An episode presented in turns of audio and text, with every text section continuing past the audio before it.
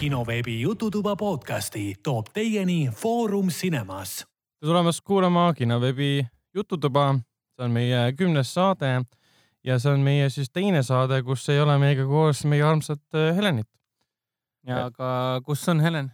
no vot, õnneks, õnneks Helen, Helen on meiega koos Cannes'is olemas, küll ta pole jah, siis viimased kaks saadet ähm, saanud osaleda puhtad ettevalmistuse tõttu. Aga minuga koos, nagu ikka, on saates Hendrik. tere! ja täna meil on jah, selline üks päev enne Cannes'i minekut ja järgmine saade siis ähm, tõenäoliselt on juba siis kolmapäeval, kus äh, me jagame oma Cannes'i muljeid. ja, et praegu niisugune vaikus enne tormi ja nüüd vaatame üle millega maailmas on tegeletud, et jah, et tuleb, tuleb välja, et lisaks, lisaks äh, tasujatele on olemas ka üks väike kollane armas loomake, kes näitab tasujatele koha kätte. Aa, okei okay,, selge, sa lähed kohe uudiste juurde. Äh, jah, lähme kohe, alustame uudistega ja võib-olla peamine uudis ongi see, et äh, detektiiv Pikachu või noh, tähendab siis filmi nimi on Pokemon detektiiv Pikachu suutis siis äh, avanädalavahetusel üle kogu maailma päris korraliku tulemuse teha, teenis tagasi siis, mis eelarve oli sada viiskümmend miljonit, see on päris korralik eelarve. see on päris pürakas eelarve no, nii väikse loomakese kohta nagu. Ryan Reynolds on ka korralik staar samas. Ja teenis siis tagasi sada seitsekümmend, ehk siis eelarve on juba ta tagasi teenitud ja kõik muu, mis ta teenib, saab olla ainult äh, pluss. ja äh,, ja no ühtlasi on tegu ka äh, kõige rohkem avanädalavahetusel teeninud videomängu põhjal loodud filmiga. ja samuti on tegemist ka, ongi, oli vist, kas ongi nagu, ta on tõesti ainus videomängu põhjal loodud film, mis on nii hästi kriitikute poolt vastu võetud. jah, Rotten Tomatoes'i järgi, mis tal oli kuuskümmend äh,. mitte ükski film pole saanud, ükski videomängul, konkreetsel videomängul põhinenud film pole saanud äh, kuuskümmend protsenti heakskiitu ja noh, kriitikud üleüldiselt seda kiidavad. Äh, mina kiidaksin samamoodi, arvustus on äh, kinoveeb.ee-s üleval. ma tõstaks ikka kõrgemale selle, et kuuskümmend kolm on praegu, aga no ma paneks ikka seitsekümmend või midagi. Jah, ma olen isegi nõus, et ma andsin talle kaheksa, kümnepallisüsteemis siis kaheksa. Aga film ise siis Eestis äh, avanädalavahetusel jah, lükkas siis tasujad lõppmängu, mis endiselt on maailmas enim teeniv film ja nädalavahetuse edetabelite tippudes Eestis lükkas siis Pikachu äh, avatar, ei avatar jah, issand juba tasujad, tasujad siis äh, esikohalt ära. Äh, see vahe vist oli, ma mäletan, mingisugune nelisada, kaheksasada inimest äkki no,. mingi, ütleme, et seitsesada inimest. jah, et päris korralik võistlus oli seal, aga ei, ma üldse ei imesta, sest filmi reklaamikampaania oli suurepärane. eriti see, eriti see ähm, full length klipp, mis siis Youtube'i lekitati Ryan Reynoldsi nii-öelda watermark'iga äh, Äh, vesimärgiga siis äh, kui seda mängite, see on siis nagu lekkinud variant filmist, kus tegelikult siis tund nelikümmend Pikachu tantsis retro trenni muusikasaatel. ehk siis, kui tahad, et su film oleks äh, populaarne, siis tee valmis meme ja kõik teavad, et su film on välja tulemas.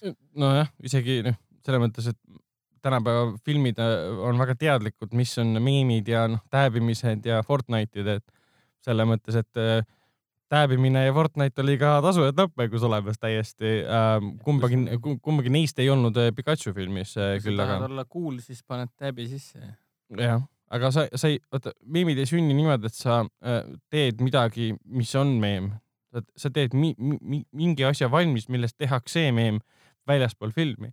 ja, ja tänu Pikachu nunnule ole, olemusele ja see, et tema hääl kõlab nagu Ryan Reynolds Deadpoolist, kes lihtsalt ei ropenda äh, annab tunnistust, et see oli kõik, selle filmi taga olid kõik väga õiged valikud.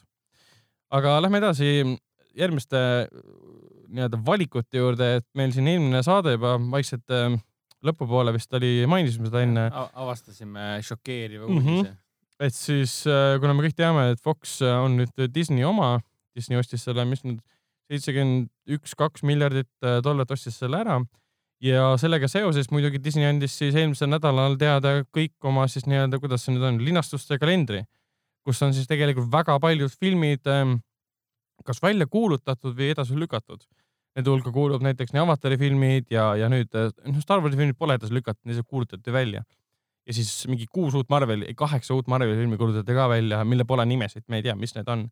aga võib-olla kõige huvitavam ongi see, et ähm, järgmised Star Warsi filmid tulevad siis aastatel kaks tuhat kakskümmend kaks, kakskümmend neli ja kakskümmend kuus.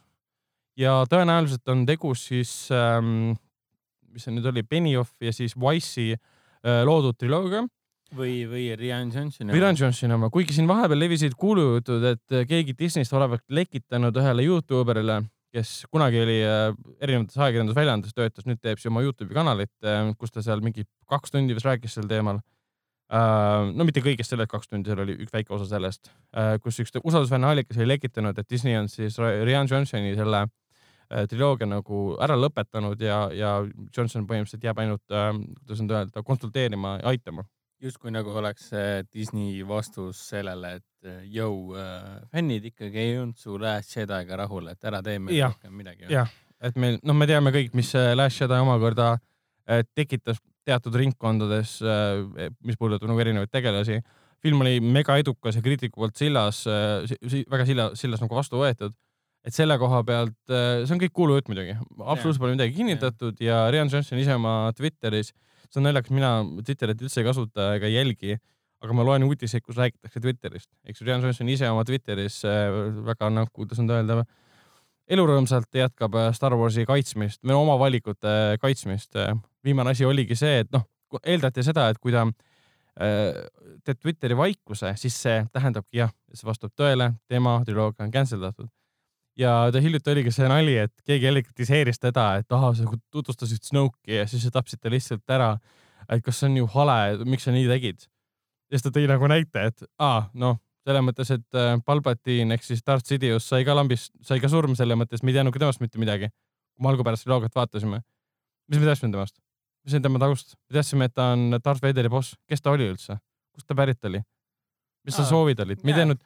ja tegelikult see on hea point. kusjuures ja ega me aga me oleme selle. isegi tead, minu meelest me isegi ei teadnud Palpatini nime kui sellist. nojah, saime selle hiljem teada. aga inimesed on, ajavad segamini selle, et me oleme vahepeal vaadanud Ellugu triloogiat, mis on kõik tema motiivid lahti selgitanud, aga mhm. algupärases triloogias Palpatini kohta midagi ei tulnud äh,, infot nagu ei tulnud ja, ja ma olin nagu selle koha pealt nõus, et ma polnud isegi meeles, et ega mind see Snoke'i tapmine ei häirinud, aga ma hakkasin mõtlema, et kas see oli tõesti nii erakordne nüüd siis Ryan Johnsonidest teada nagu, et kuule, aga see vanas filmis täpselt samamoodi, ma ei tee midagi erinevat. ma ei tea, see on veider. mind see isegi häiris, et ära tapeti, aga ütleme nii, et äh, no nii kõvasti nüüd ka ei häiri, et ma ööd ja päevad läbi mõtlen selle peale ja ma ei, vihkan, vihkan selle Ryan Johnsoni tehtud. minu meelest Ryan Johnson on üks ägedamaid tänapäeva režissööre minu meelest tehku, tehku seda, mis talle Disney lubab teha. ei muidugi, tal ju see aasta tuleb see Knives, Knives Out välja Bruce Willisega um,. räägime veel sellest äh, Foxi Marveli, mitte tähendab Foxi Disney äh, linastuskalendrist, mis nad siis eelmisel nädalal välja kuulutasid ähm,. Star Warsi me mainisime, et kakskümmend kaks, kakskümmend neli, kakskümmend kuus. Ähm, aga kõige üllatavam on vist ikkagi see, et avatar lükkus edasi. jah, avatar äh, lükati edasi, ta pidi linastuma kaks tuhat kakskümmend äh, detsembris. järgmise aasta detsembri, järgmise aasta jõulud pidi olema ikkagi avatariga, avatari teise osaga äh,. täpselt ja praegu, kui vaadata seda kalendrit, et mis äh, detsembris linastub äh, vähemalt äh, Disney poolt, on siis West Side Story ja Cruella. Et seal ei ole niisugust mammutit nagu mõni Marveli film, seal ei ole Star Warsi ja seal ei ole avatari et avatar tuleb nüüd hoopis siis ähm, kaks tuhat kakskümmend üks, äh, seitseteist äh, detsember. ja see tähendab omakorda muidugi tähendab seda, et kõik ülejäänud avatarid äh, lükati ka edasi, et avatar kolm tuleb siis kaks tuhat kakskümmend kolm, kahekümne teine detsember, avatar neli tuleb siis üheksateistkümnendal detsembril kaks tuhat kakskümmend viis ja avatar viis tuleb siis kaks tuhat kakskümmend seitse, seitsmeteistkümnendal detsembril. See on siis üks aasta pärast kolmandat uut Star Warsi filmi. see vahepeal läheb mul täitsa meelest ära, et õigust jah, jumal hoia, neid avatare tuleb ju neli, neli filmi veel. ja, ja. et see, noh, mida see. viimane osa oli Jumala hoikus. kaks tuhat üheksa. kaks tuhat üheksa ja mida. sellest on väga palju aega möödas, see on tõesti väga palju aega möödas. nii palju kisa ja kära ja ometigi film on ju päris vana juba mingis mõttes ta on vana jah, no selles mõttes, et ega see esimene film tuli ka nagu selles mõttes tühjast kohast, et nii-öelda originaalne materjal ja promo oli piisavalt hea. kolmsada miljonit või rohkem sinna alla pandi ja see film osutus kõigi aegade enim teenivaks filmiks, mida nüüd siis tasujõud lõppmäng äh, ilmselt paari nädalaga nüüd äh, esikohalt kangutab ära. uh,. Avatar kaks ma üldse ei imesta, kui ta tuleb välja ja purustab taaskord kõik rekordid, sest see on ta on. nojah, tõsi, James Cameron on innovaator no., ta on, ta on mees, kes äh, näeb, äh, tahab näha tulevikku ja tulemus on see, et nagu ega me kaks tuhat üheksa aasta Avatariga oli tegelikult sama lugu, et me ei ju läinud kinno ainult äh,. Äh, me ei läinud ju kinno ainult vaatama filmi äh, sinistest äh, humanoidsetest tulnukatest äh, kassisilmadega. kassisilmadega ägedatest tulnukatest kaugel planeedil ja Sam Worthingtoni seal äh, nii-öelda reaalselt nagu avatarina ringi jooksmas. Äh, me läksime ikkagi vaatama James Cameroni, me läksime ja. vaatama, mida ta pakub meile 3D tehnoloogia suhtes ja see, mida ta meile pakkus, oli ikkagi hämmastav, ta võttis kasutusele nii äh, Äh, ütleme nii, et lihtsustatud võib öelda, et kõrgtehnoloogiat pakkuda meile kõige võimsam vaatepilt, vaatemäng kui vähegi võimalik mm. -hmm. ja see ei ole lihtsalt, et teeme ühe CGI monstrosity ja valmis. noh, kui sa ikkagi vaatad behind the scenes'i, kuidas miski valmis, siis sul on äh, Zoe Saldana ja ähm, Sam Worthington lendavad seal äh, väikeste nagu me trenn-, kunagi treeni Kesk. keskkoolis seal võimlas hüppasime üle kitsede või ratsutasime kitse peal, kitse peal, kui õpetaja ära läks, kehalise õpetaja. istuvad seal kitse otsas, Sam-Britton ja Saldana ja teesklevad, et nad lendavad ringi ja sa lähed seda ja siis, ja siis sealsamas on siis Cameron või operaator, kes kaameraga ringi jookseb nende ümber nojah, tema näeb otse kaameras, näeb äh, prototüüpi sellest äh, digitaalsest virtuaalsest äh, maailmast. see on nii nagu tänapäeval ja isegi siis toona juba Äh, mitte nii äh, suure nagu massiga, aga tänapäeval eriti, kuidas tehakse videomänge tegelikult. jah, täpselt, et äh, samamoodi ju ka Peter Jackson oma selle kääbikuga, samamoodi tohutu suur stuudio, tal on äh, virtuaalreaalsuses loodud äh, nii-öelda renderdatud valmis juba maailm, mida ta tahab filmida. Äh, ja reaalselt tal on siis valik samamoodi nagu James Cameronil, ta saab liikuda oma loodud virtuaalses maailmas nii-öelda. äh, CGI renderid maailm nii-öelda, et mis nurki ma tahan, nurki ma tahan näidata, mis vaatevinklist ma tahan näidata, ma otsin need nurgad ülesse. et äh, noh, elu on ikkagi päris põnevaks läinud mm -hmm. sellest vaatevinklist, nii et äh, Avatar kaks võib purustada kõik meie eelarvamused. jah, siin muidugi võib olla jah eelarvamusi puht sellepärast, Avatar üks oli ikkagi 3D revolutsioon, mis äh, muutis 3D selliseks normaalsuseks, nagu ta praegu on pluss selle animatsioon ja CGI tase, motion capture'i tase on siiamaani üks parimaid.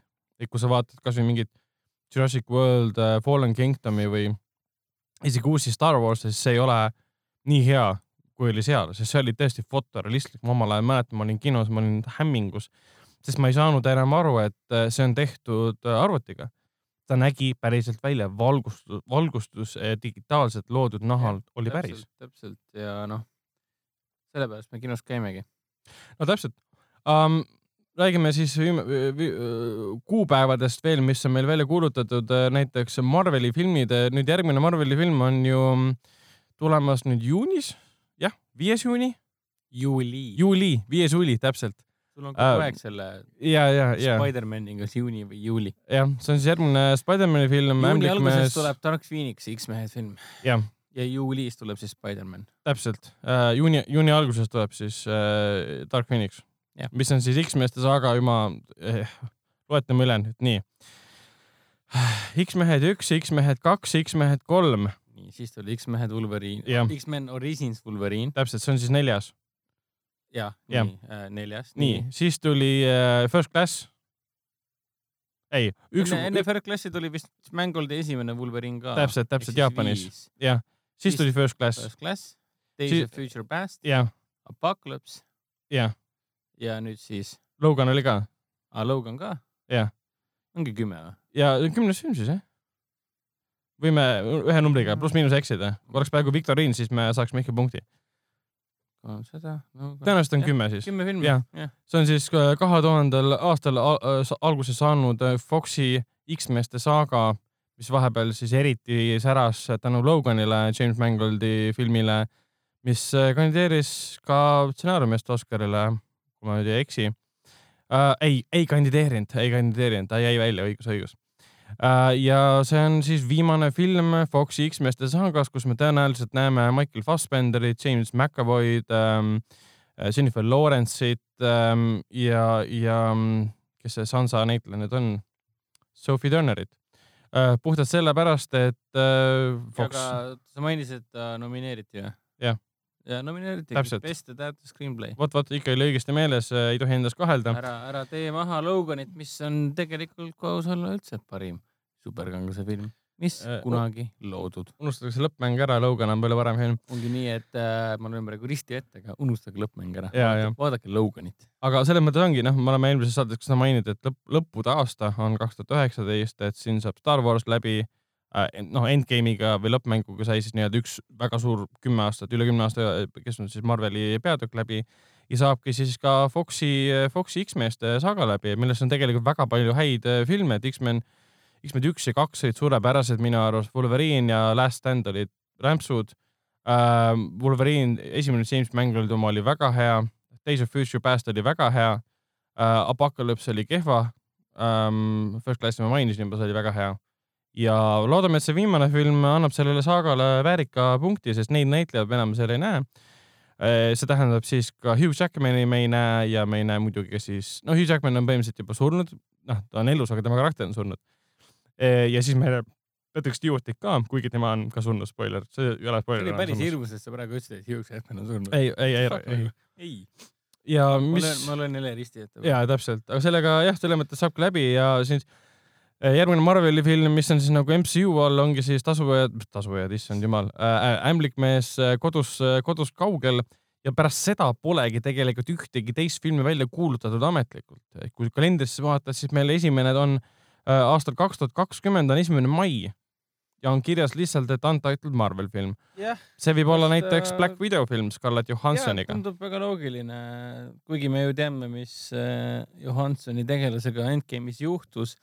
no see on niikuinii eellugu, kuidas ta kasvas kuidas selleks. Kuidas nad selle taas ellu äratavad, aga noh, meil on ju Disney pluss veel tulekul ja, ja, ja noh mm ütleme nii, et. no see äh, film ise on nii mina elugu selles mõttes. ühel hetkel elus. selle kogu sellele neljanda faasi laadugi nad lasevad täiega internetti ja siis no, all hell breaks loose, põhimõtteliselt fännid kaotavad mõistuse selle peale, et äh, mis on järgmine, mis on, mis on pärast seda ja mm. kuidas nad kõik omavahel connect itud on ja see on. ja, ja neil on väga lihtne. It's very exciting selles mõttes. absoluutselt ja neil on väga lihtne tegelikult ähm, nii-öelda tutvustada uusi variante X-meestest puhtalt sellega, et meile juba selle Ämblikmehe kodust kaugel treileris äh, Mysterio, keda kehastab siis äh, mm, Jake Gyllenhaal juba kaudselt nagu vihjas, et äh, ma, ma ei taha väga spoil ida, et mingid sündmused tekitasid mingi sündmuse mis võib aidata Marveli stsenaristidel tuua sisse mutandid.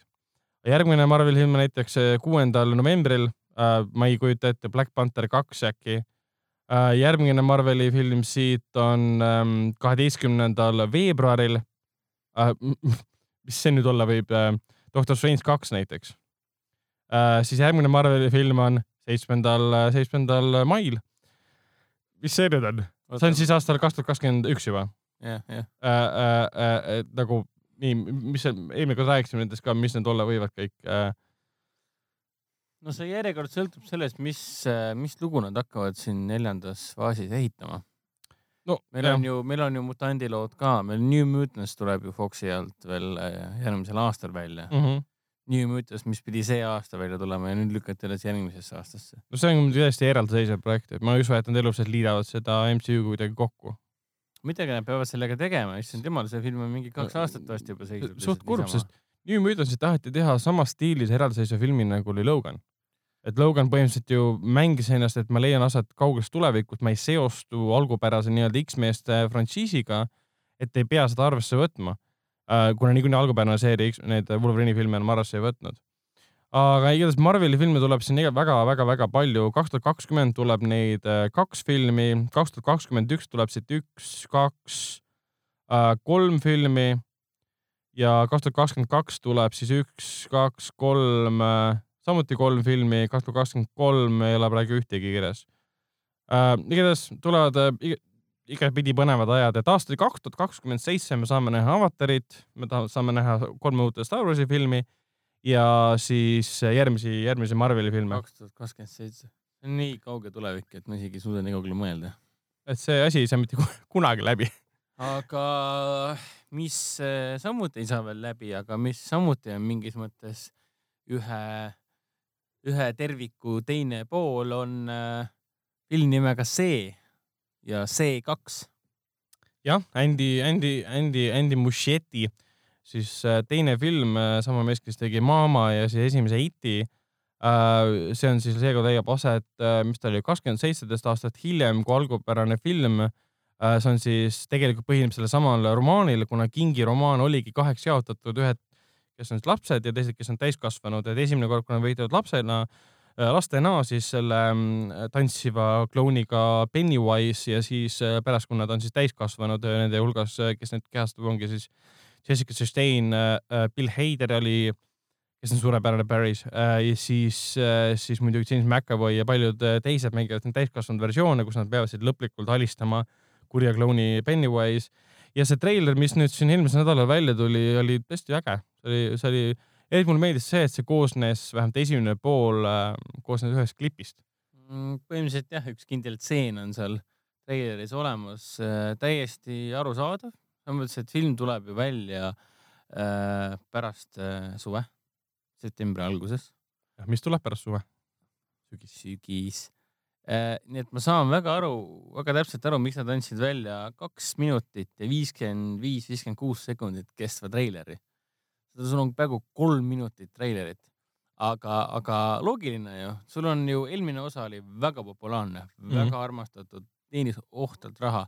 nii et igatipidi loogiline, et sa paned põhimõtteliselt äh, hambaajad verele, hambad ajad verele mm, -hmm. lased äh, et hambad verele ajada, lased välja kolmeminutilise treileri, kus on väga palju, mida läbi hammustada ja mõelda, eriti just see esimene, esimene tseen, mis annabki ju tegelikult mõiste, mismoodi hakkab nägema välja äh, film äh, täiskasvanud versioonidega lastest. Mm.. ehk siis noh, esimene on ju mingis mõttes, esimene film oli äh, mingis mõttes väga tuttavlik tänu sellele, et me oleme harjunud siin Stranger Thingsiga, isegi mõned näited olid samad ehk siis noored lapsed, väiksed lapsed, esimesed armastused, esimesed äh, Äh, võitlused, ülesaamised, üleskasvamise lood äh, keset siis Stephen Kingliku õuduses, äh, võib isegi öelda, kosmilises horror õuduses nii-öelda. sellest me võime natuke hiljem rääkida, mida tähendab kosmiline õudus ja miks see seostub, kuidas see seostub üldse E.T. ja Pennywise'iga. aga mina olen igatahes väga-väga-väga erutatud äh,, eriti just seetõttu, et me ju nägime, kuidas esimese lõpus äh, lapsed said oma hirmudest üle mm. -hmm. aga, aga mida tähendab äh, täiskasvanuks saamine, mida tähendab olla, läheneda keskeale ja, ja mida tähendab see, mida täpselt hakkab Pennywise kasutama nende vastu.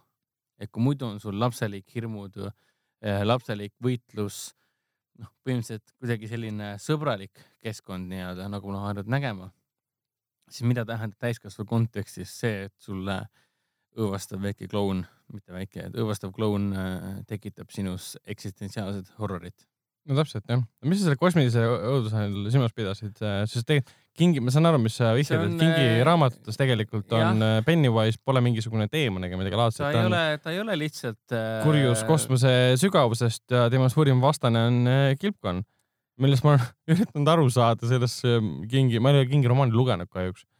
Um, ta, ta ei ole lihtsalt kloun, kes elab kuskil maal ja ronib välja mm -hmm. ja on aastasaduse all nende kodulinnas elanud. Ta on ka palju enamat, ta on äh, kurjuse kehastus, ta on nii-öelda, ta on kuskilt äh, mis tähendab, asi on selles, et King on loonud oma raamatutega nii mõnegi raamatuga, eriti just äh, troonide mängu seeriaga, ta on loonud nii-öelda äh, kosmilised äh, paralleelreaalsused, kuskohast on pärit reaalselt äh, õudust äratavad maailma äh, maailmat kontrollivad äh,, hävitavad ja, ja mm, -hmm. ja kaitsvad olendid kes on kogu aeg omavahel pidevalt võitluses.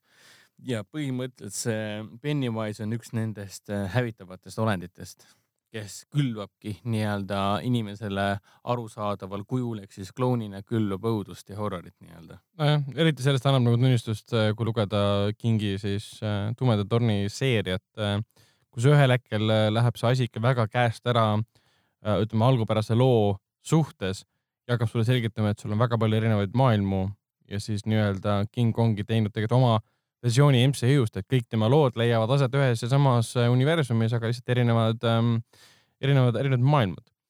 Uh,. It tundus igatahes treileri põhjal väga äge. Mis meil on veel on, meil on veel tundnud treileri põhjal väga äge, on järgmine Godzilla film, Godzilla kaks koletiste kuningas, mis on juba kriitikutele linastunud, arvustusi küll veel ei ole. aga nad said juba siis muidugi esmalt siis Twitteris, Warner Brothers neil lubas neil jagada ja mis see on, sada nelikümmend tähemärki või nüüd on rohkem vist, nelisada. sotsiaalmeedia bänn läks lahti ja tulemus oli see, et kõik kiidavad. Massive, eh, räägime eesti keeles massiivne koletiste film, mis on mõeldud suurel ekraanil nautimiseks ja, ja kriitikud, äh, kes on ka tõenäoliselt, mitte tõenäoliselt, vaid kriitikud on ka fännid, äh, on äh, sillas. Nad on ikka täiesti sillas, nad on, annavad mõista, et see tuleb see, selle, selle, selle mai lõpu, juuni alguse üks kõige meeliülendavamaid kogemusi kinoekraanil pärast lõppmängu jep, nimetavad seda ikka täielikuks nagu koletiste filmide meistriteoseks, mida on tore kuulda, sest esimest osa ma ei nimetaks niimoodi, vähemalt seda USA versiooni esimest äh, osa. Ähm, ja ma teisi King, mitte King Kongi, Godzilla filme olen nüüd näinud ise ka, neid äh, Toho stuudio omasid, Jaapani omasid ja muidugi Roland Emmerichi oma Äh, mida, mida me tahaks unustada pigem, aga no, eks see oli ka omal ajal eest. Semmerich oma, mina väiksena, mis see oli, üheksakümmend üheksa, kaks tuhat midagi. midagi taolist. mina väiksena täiega nautisin seda, Matthew Broderick, Jean Reno jookseb seal ringi, miks, miks, miks ma ei, Hank Azaria, miks oli jah, oli küll jah miks ma ei peaks, miks ma ei oleks pidanud seda nautima ja, ja edaspidi, kui ma olen seda nüüd ka tulevikus või noh, tulevikus tänapäeval vaadanud, mulle on pigem see süütu lõbu, mis sealt läbi pritsib, on väga tore. ei no selles mõttes küll, minu point võib-olla on see, see on üks nendest filmidest, mida, mis tasub jätta lapsepõlve, seda ei tasu uuesti vaadata. ma olen seda teinud ja see tõesti ei kannata uuesti vaatamist. ma arvasin, et see on miski, mis nagu kannatab või, või ta ei ole nii halb, kui ma mäletan, aga ei, see lihtsalt need naljad ei tööta enam ja see on nii labane kohati ja see mm, Godzilla näeb nagu välja nagu mingi suvaline sisalik ja pole üldse hirmus ja niisugune veider ja. ta suurus vahetus seal päris kiiresti oh,. arusaamatul kombel. aga uues filmis on ta igatahes väga pirakas ja, ja meile jõuab ta kinodesse nüüd äh, täpsemalt ähm,. mai lõpus, kolmkümmend üks. täpselt ja võimalikult suur ekraan tuleb selle filmi vaatamiseks valida ähm,. me juba hmm,. Detective Pikachu'st me juba rääkisime, et see on väga hea film ja teenis korralikult, aga John Wickist me ei ole veel rääkinud täpsemalt siis John Wick kolmest äh, Parabellum, mis on samuti saanud äh, sotsiaalmeedia nagu bänni lahti selle koha pealt, et nüüd kirjutada filmi kohta. mitte ainult muidugi, arvustused on ka väljas juba tegelikult ja kõik kiidavad, ütlevad, et ta on seeria parim, nimetavad teda veits, et ta jääb iseendale jalgu mõnes mõttes ja teised ütlevad, et see on üks kõige parimaid, kõige paremaid äh, märuleid, mis üldse tehtud on. jah, et annab mõista, et kui sa ootad, kui sulle seni on seeria väga meeldinud, siis ole valmis veelgi suuremaks filmiks mm, -hmm. mitte ainult nagu mastaapide poolest, vaid pigem selle poolest, et kui sa, kui sa arvasid, et teise osaga sa juba nägid piisavalt vikki, siis sa eksisid rängalt. ja no praegu seisuga ta oli vist üheksakümmend kaheksa protsenti äh, Rotten Tomatoes'is mm., mis on äh, kogu seeria parim tulemus ja Keanu Reaves taaskord näitab, et tema äh, ekstravagantne märulisaaga äh, on, on, on, on lausa fenomen mingis mõttes. No miks, ta, miks ta fenomen on sellepärast, et äh, ta on lihtsalt action film tegelikult see on üks mees versus kogu maailm. see on tegelikult tema teine seeria alles kogu tema karjääri jooksul. kas ta ei ole tõesti pärast Matrixit? Matrixi seeria kolm osa, John Wick kolm osa, okei okay,, Bill and Ted, need oli kaks osa rohkem mingi. teda, teda name drop iti seal, teda mainiti, noh inglise keel mm., äh, teda mainiti aga ju minu meelest mitte nimepidi või äkki ikkagi oli nimepidi selles Kiiruse teises osas ka mainiti. no see ei loe, see alguses, ei loe absoluutselt. Um, aga, aga ei, ei, Kiinu on, Kiinu on tore. Kiinu no, on ma... mulle alati väga meeldinud ja mul on hea meel näha, et ta nagu et, et ta on ülipopiks saanud tänu sellele karakterile, et see on üks tema karjääri parimaid rolle mm. -hmm. ei, ma olen vaadanud tema neid ähm, kaadri taguseid videoid ka, kus ta siis äh, õpib äh, äh, sõjaväe sellises drilli käigus, et kuidas tulistamine tegelikult käib äh,, kuidas tuppa tungimine tegelikult käib ja kõik see, kuidas relva pead hoidma. tüüp võtab asja ikka nii tõsiselt. ehk siis need asjad, mida me filmis näeme, loodetavasti need pole ära hakseldatud äh, kiire montaažiga. Need on kõik tema poolt välja trein-, läbi treenitud, harjutatud ja kõik see. ja filmi filmi režissöör on äh, Chad äh, Staletski. jah, oli Chad ju?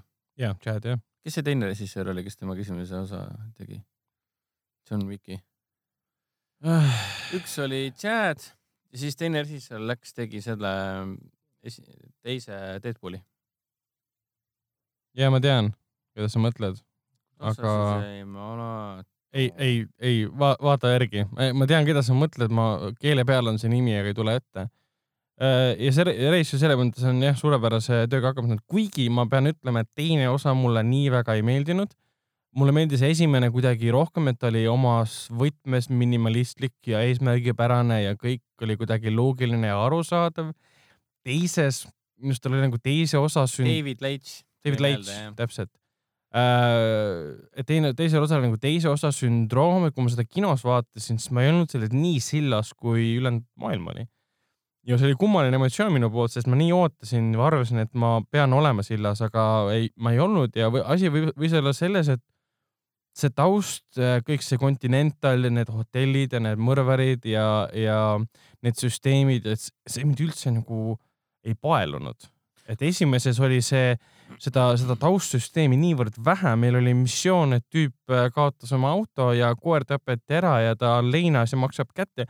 see oli lihtne ja, ja loogiline. see taustsüsteem oligi kõik oli, seisnes ainult selles no, et meil räägiti legende ja kuulujute John Wickist. aga, aga teises osas ma isegi ei mäleta enam, et äh, miks ta selle tüübi lõpus ära tappus, mis tegi ta nagu ekskommunikado äh,? ta, ta tegi talle lõhku. mingi missiooni? ei, ei, see ju tõmmati lõhku.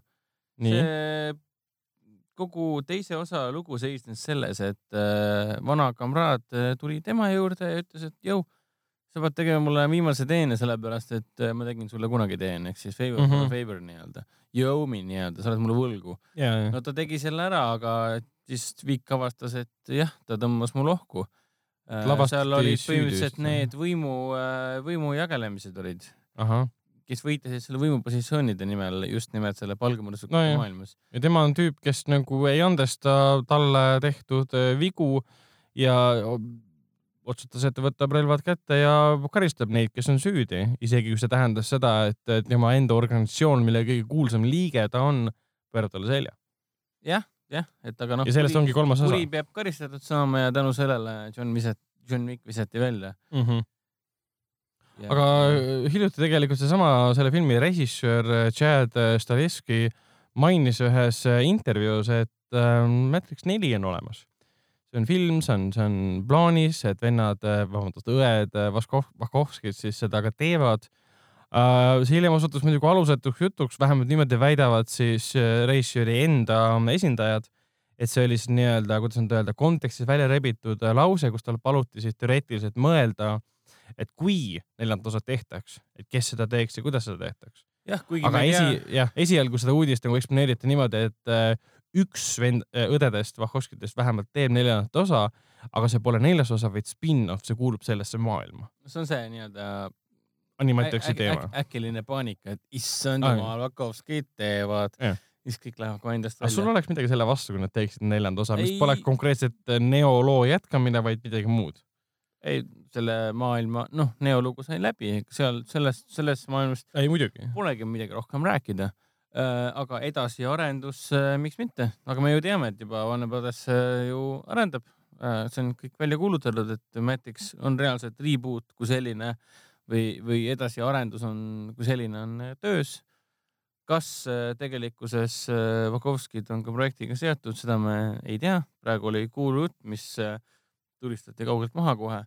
aga iseenesest, kuna Matrix oli üheksakümmend üheksa kuni kaks tuhat kolm põhimõtteliselt mm, -hmm. oli, oli ju meie sajandivahetuse üks, üks suurimaid ja olulisemaid sajandi sajandivahetuse, sajandi alguse üks olulisemaid filmiseeriaid koos Sõrmuste isandaga. siis ja tänapäevane, tänapäevane, kuidas see ongi, kolimine nuti, nutimaailma on vägagi igapäevane ja oluline meie mm. jaoks, nii et äh, kui meil tuleb tagasi Blade Runner, siis miks ei peaks tagasi tulema ka Matrix? jah, kuigi ma sisimas tahaksin väga, et kui see tuleb tagasi, siis on seotud sellega, et Vahhovskid, sest noh vähemalt produtsent Joel Silver või mingil viisipidi siis ja, nagu ei, Keanu Reaves ja et... muidu on see, et Warner Brothers lihtsalt võtab mõne teise režissööri, mõne teise stsenaristi, mõne teise produtsendi ja lihtsalt kasutab seda õigust ära, et me saame seda filmi teha. Ei, see peab olema ikkagi, see peab olema ikkagi sama, sama hingus, sama stiil, sama, sama tempo, sama rütm, kõik mm -hmm. peab olema sama tegelikult äh,. ma ei mõtle muidugi täiesti samasugune, et kui sa võtad uue vaatevinkli, siis sa saad hoopis teistsuguse stiili ka, aga, aga see ideaalis peaks olema puhas Vakovski, et kui see ikkagi välja kulutada lõpuks, kulutatakse lõpuks, siis ma loodan, et nad on vähemalt produtsendid. ja ma olen sellega täiesti, täiesti nõus äh, jah, selles mõttes Matrixeid ma teist ja kolmandat vaatasin ka hiljuti uuesti, endiselt ma ei mõista seda vihkamist.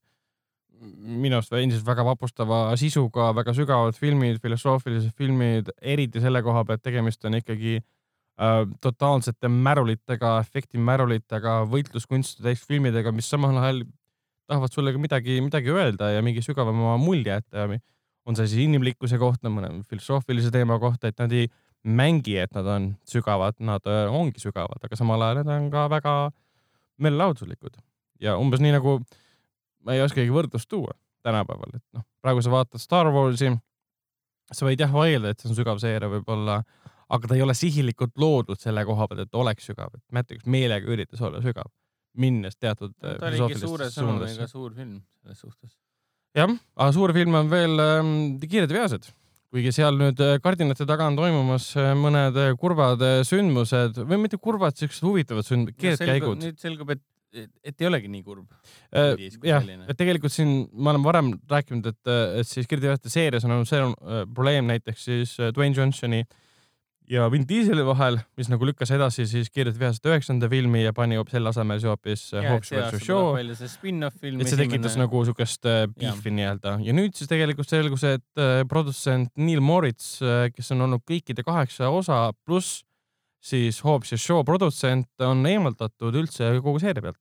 kogu seeria pealt ja tulevikust on maha võetud ja tegemist on jah siis produtsendiga, kes on kõik filmid loonud ta väidetavalt on ka siis ka Hobson Shaw ähm, üks, üks, üks idee autoritest, aga temaga nagu selgus tuleb välja, et miks temast siis äh, lahti saada oli puhtalt sellepärast, et äh, selgub see, et peaaegu et iga episoodiga selles Kiirete veaste seerias on temaga olnud väga suured eelkõige just siuksed legaalsed ja finantsilised probleemid, kus ta on väidetavalt ette ja taha nõudnud endale tohutult suuri äh, summasid ja kasumit ja väitnud justkui, et äh, tema on selle loomingulise mootori kõige, kõige tugevam äh, jõud, aga ometigi tuleb välja, et tegelikult on olnud pidevalt, pidevaks takistuseks, et üldse millegagi maha saada ja edasi liikuda. Mm.. nii et see tuli paraja üllatusena, aga, aga kas see nüüd kuidagi mõjutama hakkab, okei okay,, Hobson Show on valmis, põhimõtteliselt tuleb ju suve lõpus välja. aga kas see, kas ja kuidas see hakkab muidugi üheksandat filmi, mis nüüd järgmine aasta linastub mm., äh, üldse mõjutama, seda on nüüd nagu raske öelda, et veel hullem oleks olnud see uudis, kui näiteks, et Chris Morgan, filmiseeria stsenarist oleks äh, lahti lastud või äh, ära aetud, bännitud nii-öelda. see oleks hirmus olnud, kui Vin Diesel ei oleks enam produtsent, Vin Diesel lahkuks enam, siis, siis ma nagu muretseksin, et praegu vähemalt noh, praegu kättesaadava info põhjal äh, justkui tuleb välja, nüüd on tagantjärgi saab maailm teada, et selline olukord on olemas, selline produtsent äh, seeria peal oli ja tuleb välja, et ta oli nagu äh, pind sealsamuseski mm -hmm. ja mhm. temast lõpuks saadi lahti. kas see, noh, raske nüüd öelda tõesti, et ma ei, ma ei suuda niimoodi ennustada, et kas see hakkab mõjutama ka filmiseeria kvaliteeti kui suur osa tema loomingulisus äh, selles seerias äh, oli, seda ei tea. eks tulevik näitab, aga kuna see seeria mulle väga südamelähedane, siis, siis äh, ma olen mures. loodan, et, loodan, et Hobbs Show tõestab, et kõik on hästi ja üheksast läheb aina paremaks kui kunagi varem mm. -hmm ma siiralt loodan, et nad eh, lähevad ikkagi natukene rohkem maa peale kui varem, ennem. no enne käivad kosmoses ära ja siis lähevad tagasi driftimise ja kiirendamise juurde. mitte kunagi. Lähevad, lähevad, lähevad. Äh, mul üks äh, tuttav kuskil mainis äh, ka, et kiirete ja veaste seerial on siis raske kosmosesse minna, sest kosmosest ei saa autoga sõita maale või kuidagi lennata kiiresti. et sa ei saa hullumeelseid trikke teha. või midagi laadset oli, ma võin ajada mitut asja segamini võib-olla. ja, ja, et aa, vist ajan segamini sellega, et tegelikult mainis hoopis ähm, võimatu missiooniseeriat, et see ei saa minna kosmosesse, sest äh, Tom Cruise ei saa alla hüpata reaalselt kuu pealt äh, maale või midagi laadset. igatahes. Uh,, vaatame, mis kiire, kiiretesti VHS saab, endiselt see on väga populaarne seeria, teenib väga korralikult raha, viimased filmid, okei okay,, kaheksas polnud enam nii, nii, nii äge, aga ta oli endiselt äge. mis on, mis on aga endiselt äge mis on endiselt äge. alustad sama lausega, mille ma just nagu välja ütlesin. see on need tie-in'id nii-öelda, ehk siis ma seon kokku järgmise uudise sellega, mida sa viimati ütlesid. ja, ja, ja. ehk siis, mis on aga endiselt äge, on äh, Watchmen, mis oli eesti keeles äh, Valvurid. jah, Valvurid. Valvurid, see on ikka väga veider, ma ei ole kunagi Watchmeni peale mõelnud kui Valvurid. see on nagu Galactica Valvurid, jah. igatahes Alan Moore'i Valvurid ehk siis Watchmen, mille romaaniseeria, graafilise romaaniseeria põhjal äh, tegi siis äh, ei keegi muu kui Zack Snyder oma, oma karjääri parima filmi sama nimega Watchmen ja nüüd selle põhjal äh, on äh, meie kõigi lemmik äh, HBO. HBO ja meie kõigi lemmik äh, Damon Lindelof. kas see on samas lemmik? tema on ikkagi see mees, kes mingil määral vastutas Prometheuse eriti halbade äh, jah ähm,, aga ta on, Lindelof on ju, Lindelof on ju meil ähm, Lost. Lindelof meil on meil ju see äh, Leftovers ka ju. noh, kaks suurepärast seriaali. Hollywoodi nõutum stsenarist nii teles kui ka nii et, siis nii filmis, nii et kui jah. sa paned kokku HBO, Alan Moore'i, Watchmeni ja Lindelofi, siis tõenäoliselt sa saad midagi sellist, mida kogu maailm ootab või noh, fännid, fännid ootavad. see on väga. siis HBO uus, HBO siis uus, uus seriaal, mis äh, ma ei olegi täpselt aru saanud see..., mis ajal ta aset leiab. las ma, las ma selgitan. okei okay,, selgita nii. tegemist on selle, ta, ta põhineb Watchmenil ehk siis äh, mitte ainult filmil, äh, vaid ikkagi äh,. no ikkagi, jaa täpselt. romaanil. aga point on selles, et äh, ta ei ole uus versioon. ta ei mm -hmm. leia aset äh, samal ajal mingi teisest vaatevinklist mm. -hmm. Äh, ta on justkui edasiarendus pärast seda, mis juhtus äh, Watchmeni sündmustes, mis järgnes Watchmeni sündmustele. ma olen niimoodi aru saanud. vaata nagu järg Watchmenile või? jah. leiab aset selles maailmas, kui on ära juhtunud Watchmeni lõpp. jah, aga ta on, seal on leitud mingi teistsugune kitsam äh, vaatenurk, mis annab äh, uue valguse justkui mm -hmm. kogu sellele, kogu sellele nii-öelda meie jaoks tuntud seeriale, kus meil on kõik need issand, komedianid ja doktor Manhattanid ja Night Owlid ja nii edasi, et nüüd, nüüd on meil justkui vähemalt esimese diiseltreileri põhjal on selge see, et meil on tekkinud mingisugune Rorschach'i kultus. Äh, Jack yeah. Earl äh, Haley. jah, mängis teda siis algupärases filmis. Jack Earl Haley või Jack Earl Haley? Earl Haley. Jackie Earl Haley. jah. ehk kes siis mängis äh, täiesti ikooniliselt, olgem ausad mängis Rorschach'i Watchmenis tema karakteri põhjal, see Rorschach'i karakteri põhjal on siis sündinud mingisugune kultus, vähemalt diiseltreileri põhjal Eh, õrritava treileri põhjal on loonud, loodud mingisugune kummaline kultus, mis on hakanud eh, tegutsema omaenda seaduste ja põhimõtete järgi ja see tekitab paksu pahandust mm. -hmm. ja, ja see kõik tundub väga põnev.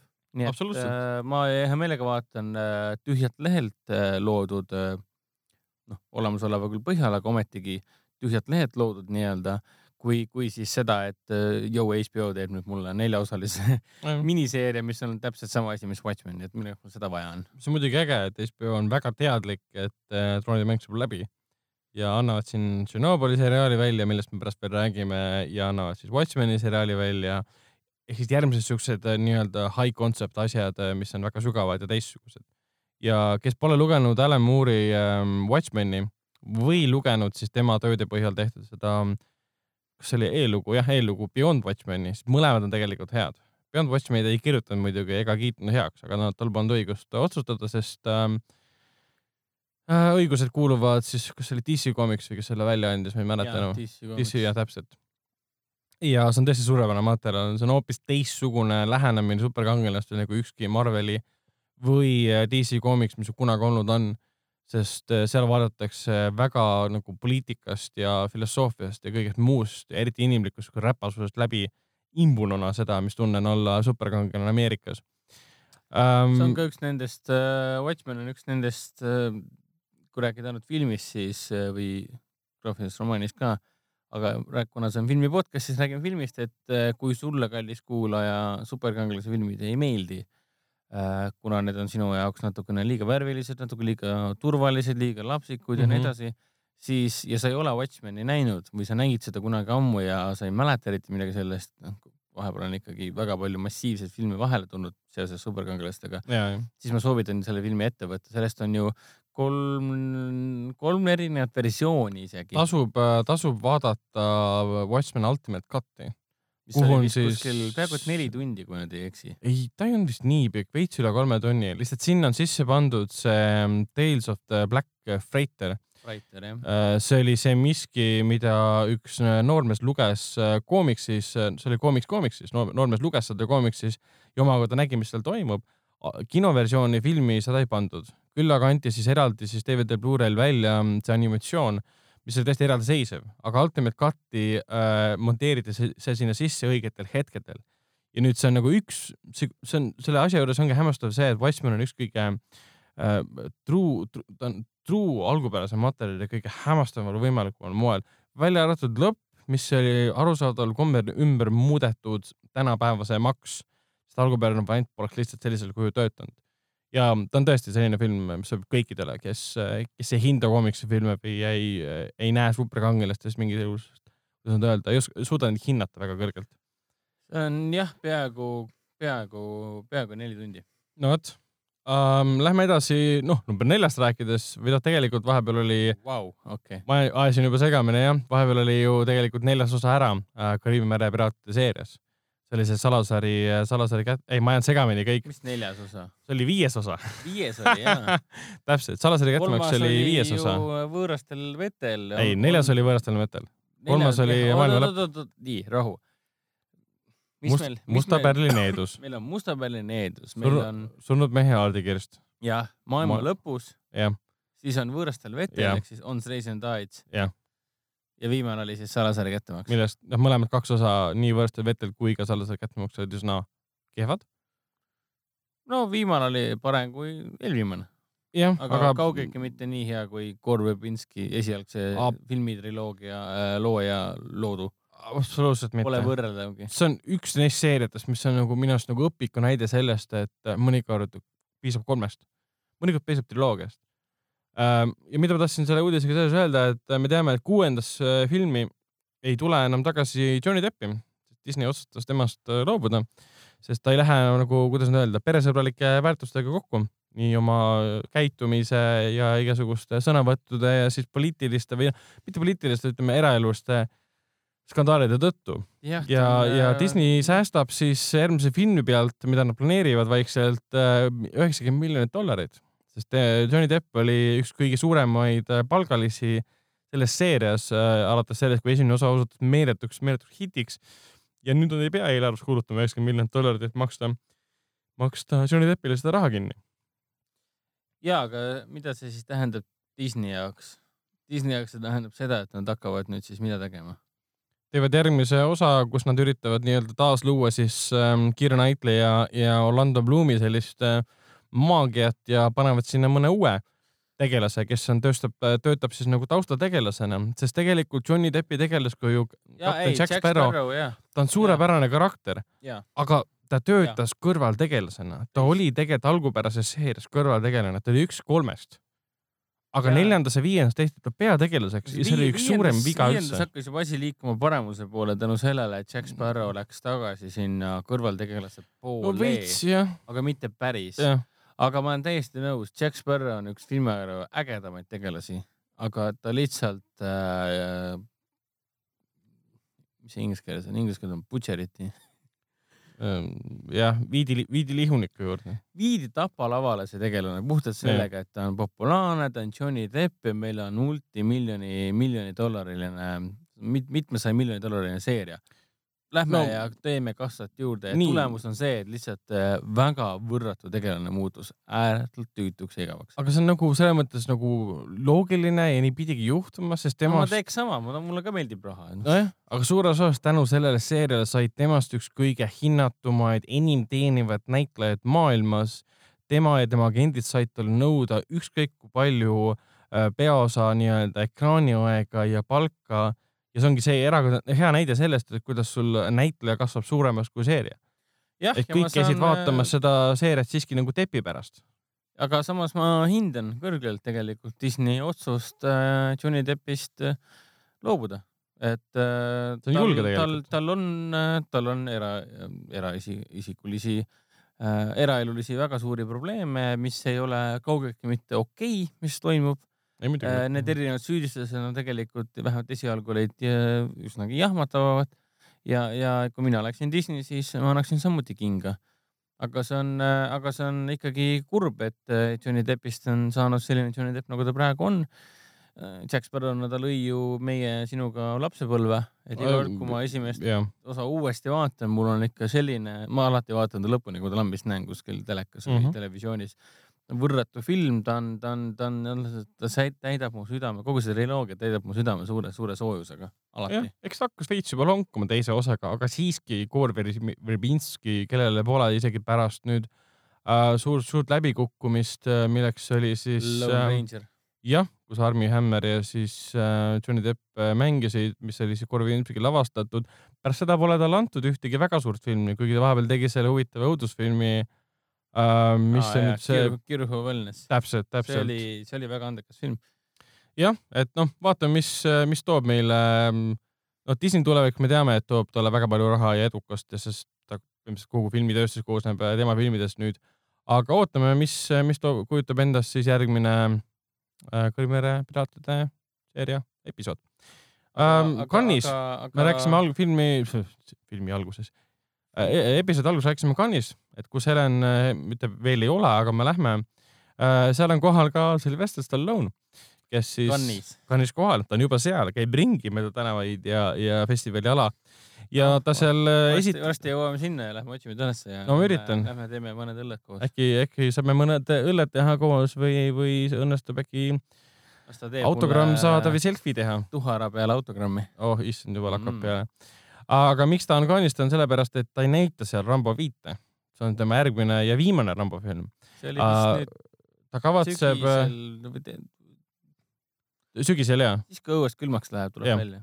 sügisel jah ja ta kavatseb selle filmi üritada ähm,, aga ta näitab siis esimese Rambo, mille nimi on siis äh, Esimene veri või siis First Blood äh,, selle 4K restaureeritud äh, varianti nice.. mis ma loodan, et ühel hetkel jõuab siis ka Foorum Cinemas äh, kinoklassikasse. Nice mulle meeldib see, et ükskõik kui palju ma pakun sulle erinevaid vanu filme, mida võiks tuua, siis sa kunagi ei vasta, kas nad tulevad või mitte, vaid ütled, et äh, elame-näeme või. elame-näeme, aga see on väga hea idee et sa oled nagu need, äh, need pressiesindajad, et ei saa kinnitada ega ümber lükata, et. jah, ma olen nagu poliitik. oled jah? Ah. Kui, kui ikka küsitakse, et millal miski film tuleb, siis see on väga hea film ah,. Okay. millal ta välja tuleb? see on väga hea film. no selge. Aga väga, väga hea film äh, võib olla ka Die Hard režissööri John McTiernani järgmine film, milleks on ulme action film Taus, Tauseti neli uh,, mis on siis Uma Thurmaniga peaosas. Jeesus, mis nimi see on? see on huvitav nimi tõesti. John McTiernan on siis see tüüp, kes tegi esimese Visahinge uh,, selle ikoonilise filmi, tegi kolmanda Visahinge, mis on väga hea osa seeriast tegelikult, parem kui teine, parem kui neljas ja viies. Ta tegi ka väga ikoonilise filmi Kiskja näiteks, ta tegi ka väga ikoonil-, okei okay,, see ei, ei ole väga ikooniline film. vaieldav võib-olla. ma mõtlen nüüd seda Antonio Banderase filmi The Last, ei aa, Thirteenth Warrior või? Thirteenth Warrior, mis mulle lapsepõlves väga meeldis, ma ei ole teda uuesti vaadanud. kas ta nüüd, kas ta nüüd äh, Thirteenth Warrior äh, on ta nüüd ikooniline, aga vähemalt nii, nii mõnegi meist, isegi meie ja kuulajate seas on lapsepõlve, lapsepõlve suur, suur seiklusfilm. Aga noh, Hollywoodi ajaloos on John McTierneril ikka väga tähtis roll mängida, eriti mis puudutab Die Hardi, mis puudutab siis Predatorit Äh, küll aga tal siis filmiga Rollerball õnnestus äh, läbi kukkuda, siis tal õnnestus muidugi vanglasse minna maksu, mitte maksu, vaid siis see oli nüüd seoses sellega, et ta lasi oma eksnaist või, või praegust eksnaist siis pigem äh, jälitada ja roller, Rollerballi filmi peal olnud inimesi siis pealt kuulata eradetektiividel. Ja ta läks selle eest nüüd vangi ja see tuli, sai sealt hiljuti välja. Siis maksis, hakkas oma arveid maksma, olles siis reisijal, keda kõik nagu teavad, aga keegi enam ei palka. Ja mul on väga hea meel, et kõik, kõik väärivad nii-öelda minu silmis äh, karistust selle eest, mis ta on teinud. aga kui ta on oma karistuse ära teeninud, ära läbi elanud, äh, kinni maksnud ja kõik selle, siis miks mitte anda talle uus võimalus äh, naasta Hollywoodi. jah, sest maailm, maailm vajab temasugust režissööri, eriti kui, kui filmi nimi on Tau Seti neli. aga kas sa tead ka, miks on filmi nimi selline veidrus? ma arvan, et sa ütled mulle see on sellepärast, et äh, antud filmi äh, vähemalt sünopsise kontekstis tähendab Tau Seti midagi muud kui päikesesüsteemi ah.. ehk siis see on äh, ulmetriller. Seda ütlesin jah, ulme ah,, ulme action. jah, ulme action, ulme triller, ulme märul.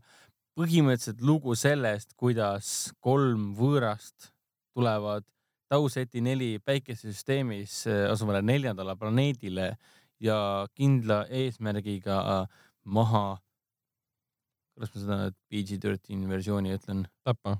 okei okay,, tappa äh, maha tappa äh, seda planeeti valitsevad äh, sellised suure võim-, suurejoonelised võimsad oligarhid ja, ja, ja, ja sõjardid. mis okay. kõlab. türannid nagu siis? jah. mis kõlab nagu väga huvitavalt, väga põnev. no kui see ei kuku välja nagu mingi Wachowskite Jupiter Ascending, siis on kõik väga hea. see on jah põhiline, aga ega sa väga palju pingutama, sa pead ikka väga palju pingutama. absoluutselt. nii kaugele jõuda. ja Wachowskid pingutasid. Miks, miskipärast jah, et äh, aga, aga äge on see, et lisaks Umo Turmanile, kas sa seda, ma vist ei märganud, kas seda mainisid siin ju Viikingitest Travis Fimmel ka peaosas? jah, unustasin ära täpselt. mis äh, on äh, veel parem selles mõttes, et nagu holy shit ja Fimmel on tuus. Travis Fimmel on väga cool vana ja, ja ta noh, Viikingid ja Warcraft ja koos, koos Tarantino lemmiknaise Turmaniga tuleks sellest tõenäoliselt väga-väga äge action film. Selles ma olen äh, täiesti, täiesti veendunud. Ähm, tasujad äh, lõppmängust me juba rääkisime ka saate alguses, aga mida me teame nüüd Disney plussi vahendusel, jõuab see, issand jumal, üksteist detsember jõuab Disney plussi Disney pluss on siis Disney enda voogedastusteenus, nii nagu on Netflix näiteks. see alustab, äh, avalikuks tuleb ta novembris ja tasujad lõppmäng jõuab eksklusiivselt sinna. okei okay,, DVD Blu-ray'd tulevad ikkagi müüki, aga mitte kuskile mujale, mingi Amazon või Netflix ta ei jõua, jõuab ainult sinna. mis tähendab seda, et eestlased seda filmi saavad ainult kas DVD Blu-ray'l osta või Amazonist tellida sellepärast Disney pluss tuleb alles võib-olla poole või aasta pärast Eestisse, et enne ta kahjuks, kahjuks ja kahjuks ei jõua. Äh, lõpetame selle uudiste osa, enne kui läheme nädalavahetuse top kolme juurde positiivsete, positiivse teatega. et FX-i seriaal What we do in the shadows, äh, mida, mis eesti keeles oli, mis me varjudes teeme, mis me teeme varjudes, äh, mis põhineb sellel väga ägedal Taika Waititi filmil, mis mõni aasta tagasi nüüd ka PÖFFil linastus. see on seriaal, mis esimene hooaeg jooksis ära põhimõtteliselt juba, alustas samal ajal, ei ta ikka veel jookseb alustas samal ajal, kui droonide mängu uus, uus epi, epi, esimene episood alustas siis ja teine hooaeg kinnitati tele tuleb, mina olen selle üle väga õnnelik. Ähm, ma loodan, et ma lõpuks jõuan teda vaatama ka hakata.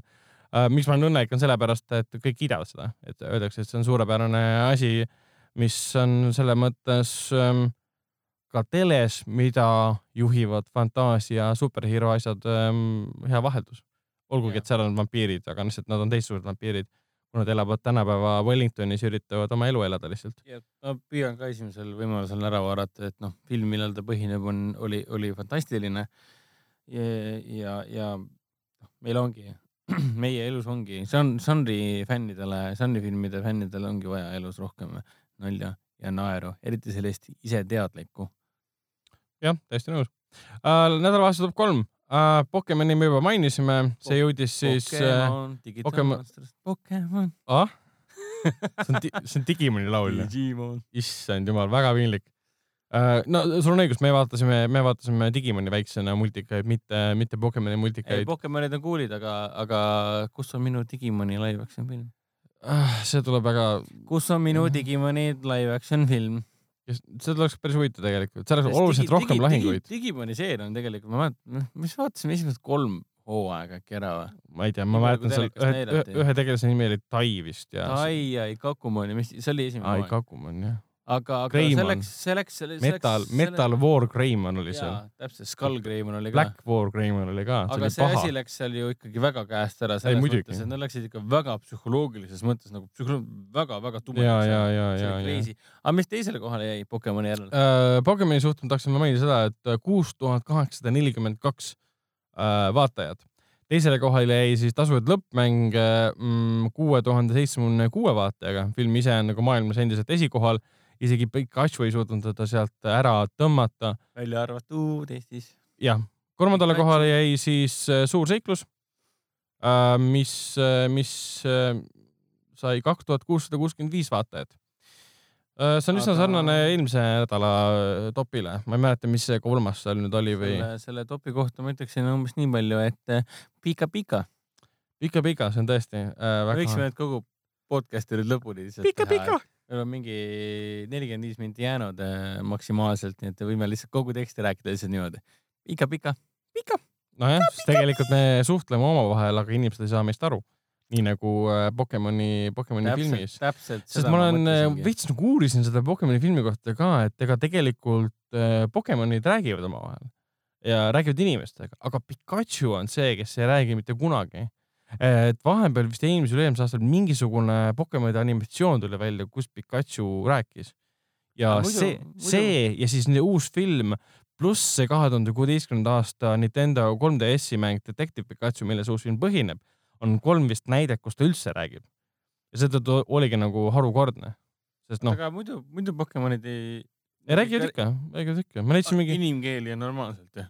Ja ma leidsingi hästi pika mingi artikli nimekirja nendest erinevatest mängudest, generatsioonides, mangades, mis iganes, kus siis äh, Pokemonid räägivad uh,. mis pole nagu selles mõttes üllatav, aga kuna see film kasutas rääkimist kui sellist äh, plot twist'ina, siis vaatame, mida see järg endast kujutab, sest Pokemoni filmile, Pikachu filmile on kavas teha ka järg.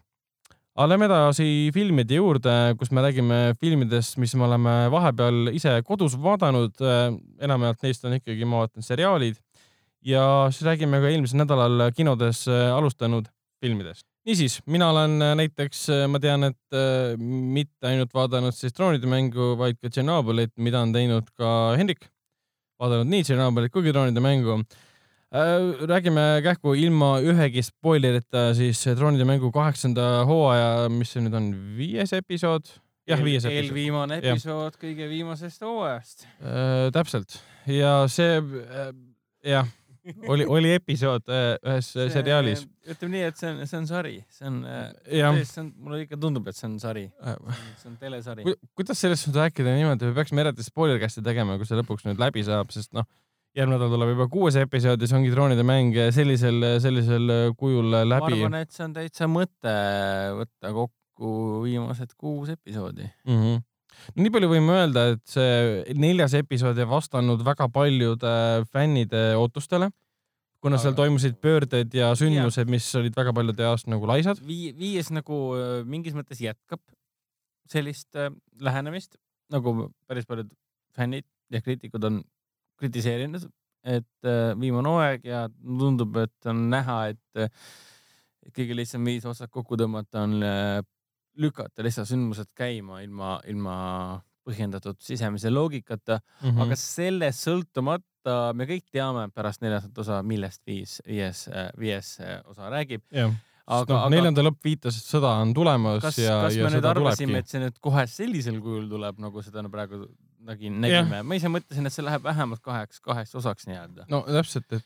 aga, aga ossa, ossa kurat, et kui ma seda episoodi nüüd täna hommikul vaatasin, siis ma, siis ma tõesti imestasin, et äh, see viimane ellu, elus olev. Äh, ehk siis draakon, täna hommikul salvestamispäeval tegelikult ta tuligi välja, jah, esmaspäeval on täna. esmaspäeval, äh, et, et ma saan aru, et see pole enam spoiler, et kolmest draakonist on ka üks alles no äh, mingil määral on mingil määral on, aga jah.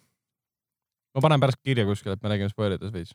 no pane jah, aga noh, ütleme nii, et. Äh, ära, ära rohkem tee seda. rohkem ma ei tee seda, aga, aga see on hämmastav, kui palju tulejõudu ikka võib ühel draakonil olla.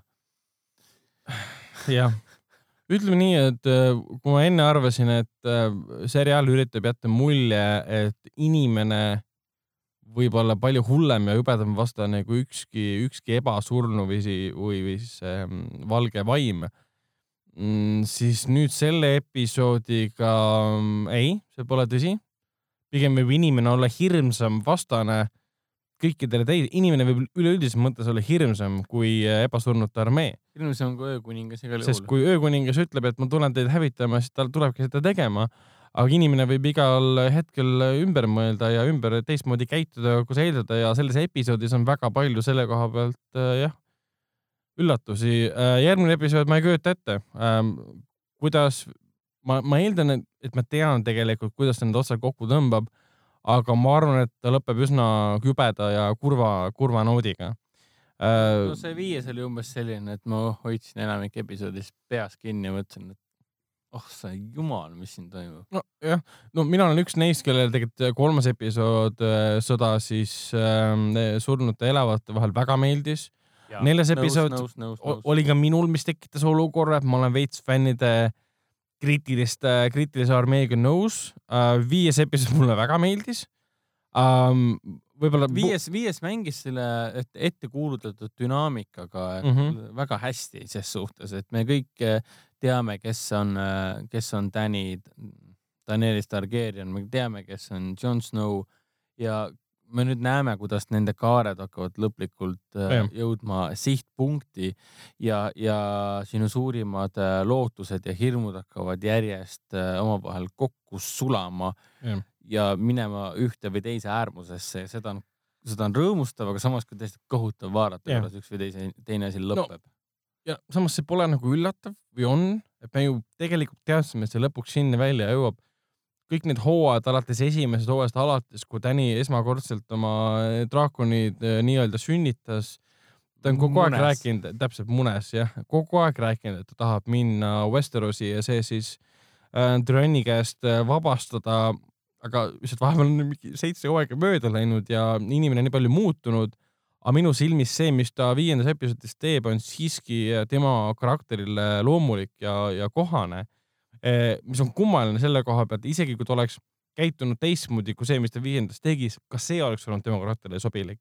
aga juhtus hoopis vastupidine, et ta on ikkagi oma isa tütar, olgugi et olukorrad ja kontekstid hoopis teistsugused, aga mõnes mõttes äh, no seda, seda enam, mis sa praegu räägid, seda enam see häirib. mismoodi filmi sarjaloojad äh, tegelikult noh, kasutavad neid tegelasi selleks, et mingid, mingid mõtted kiiresti koju tuua.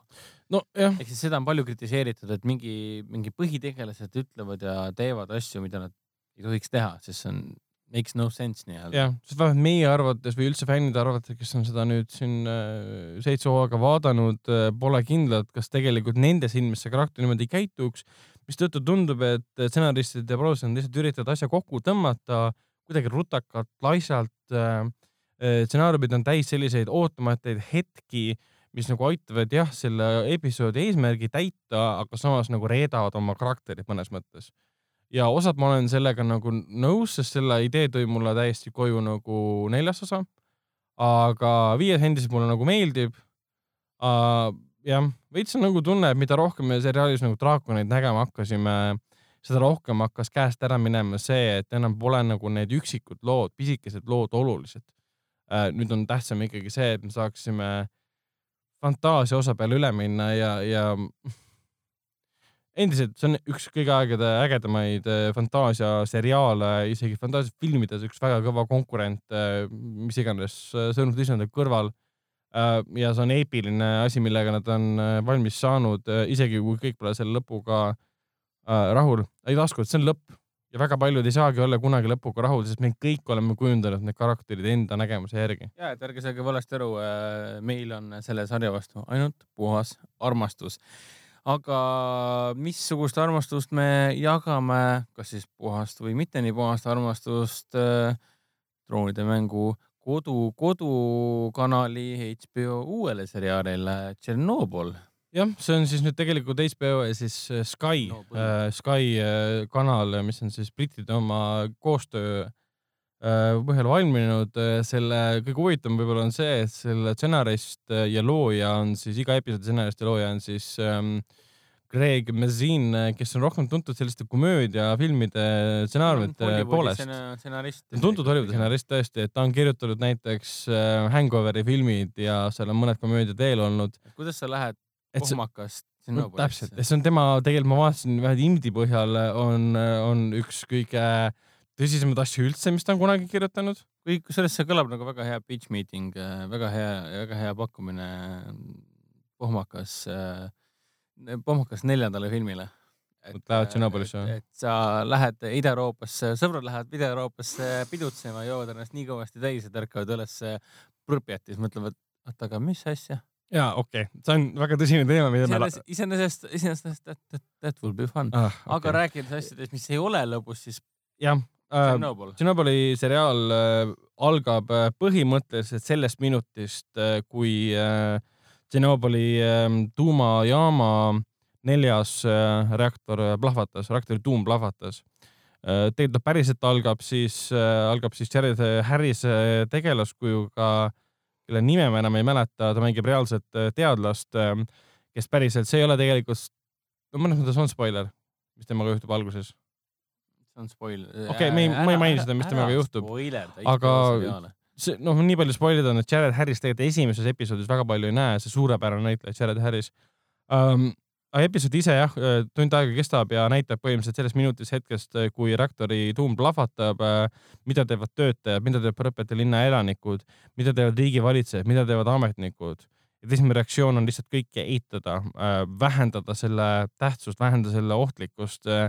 Teine reaktsioon on kõiki asju peita, panna linn luku taha põhimõtteliselt, telefoniliinid läbi hakkida Äh, lasta siis põhimõtteliselt Kremlile öelda, et see pole tegelikult üldse ohtlik ja kohelda seda asja kui äh, keegi ei tohi teada saada, selline valede võrgustik, hirmu ja kartuse võrgustik, mis seal tekib, eriti kui sa samal ajal näed, kuidas tuletõrjujatele, kellele mitte midagi ei öeldud, öeldakse, et minge põhimõtteliselt tuld kustutama, lähevad sinna, sa näed, et nad katsuvad seda, kas oli vist grafiit või midagi laadset äh, täpselt, et reaktori tuumatükke ja siis käed põlevad sellest ära, nende kehad põlevad sellest, näod muutuvad punaseks, inimesed oksendavad, nad saavad kohe selle väga suure äh, kiirituse osaliseks ja kuidas need tegelased, neil, neid sunnitakse minema vaatama tuuma, sest kogu aeg sul on seal boss, kes ütleb, see, see RMBK tuum ei saa plahvatada. sest on..., sest on asju, mis Nõukogude Liidus lihtsalt ei juhtu no, ja üks nendest on siis tuuma. et sa kujutad ette. ei ole lihtsalt niimoodi, et tuuma ja. ei ole, mis mõttes tuuma ja, ei see selline ole? nagu kivisse raiutud selline teadmine, et see on Nõukogude Liidu tehnoloogia, see ei saa plahvatada, see on nii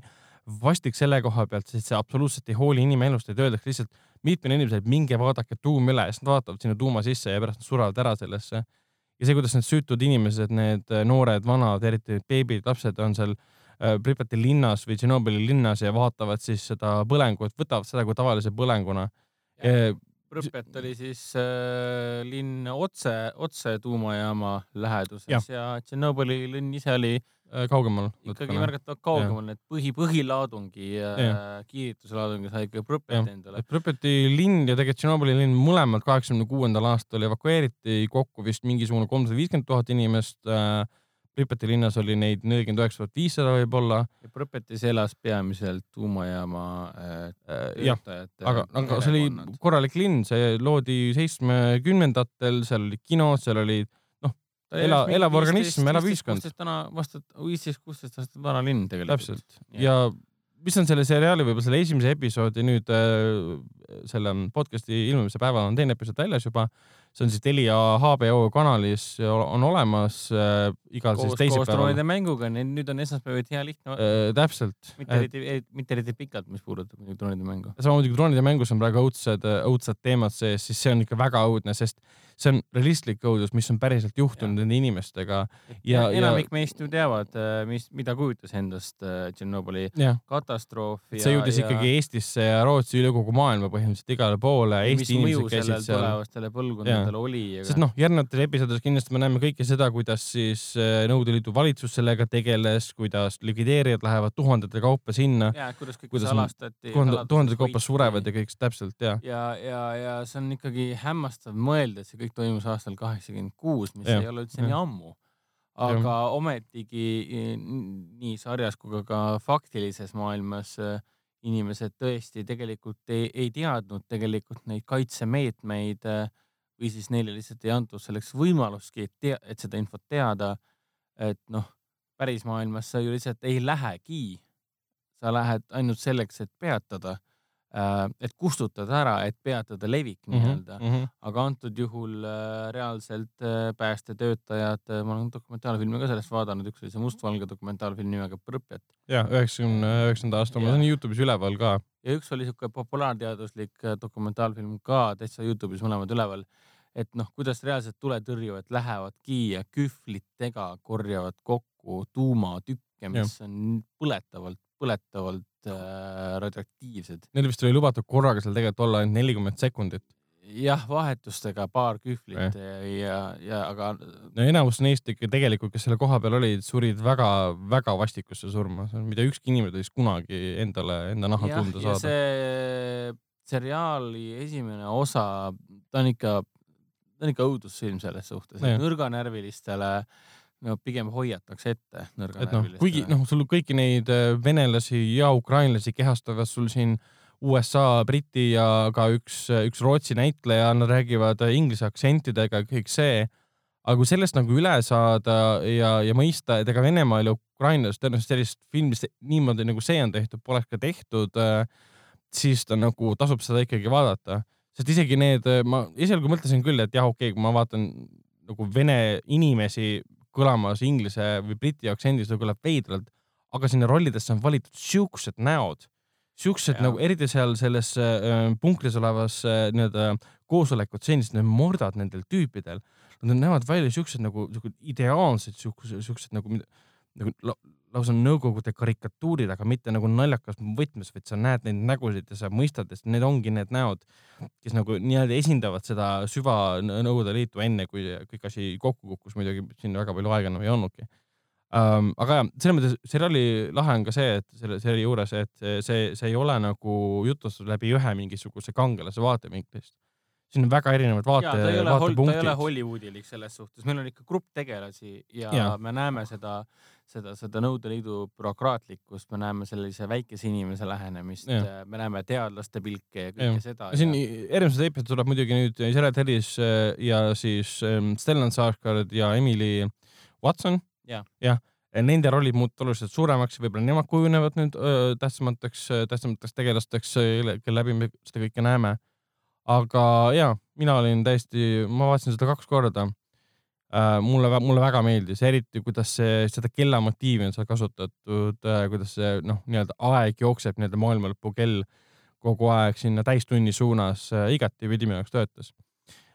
lisaks alustasin mõne, mõnes mõttes rõõmsama seriaaliga uuesti siis Lucifer, mille nüüd neljas hooaeg jõudis Netflixi, vahepeal see seriaal sai siis oma ema kanali poolt nii-öelda tühistuse, aga Netflix päästis ta ära ja siis äh, nüüd uus hooaeg on olemas, vist kümme episoodi kokku.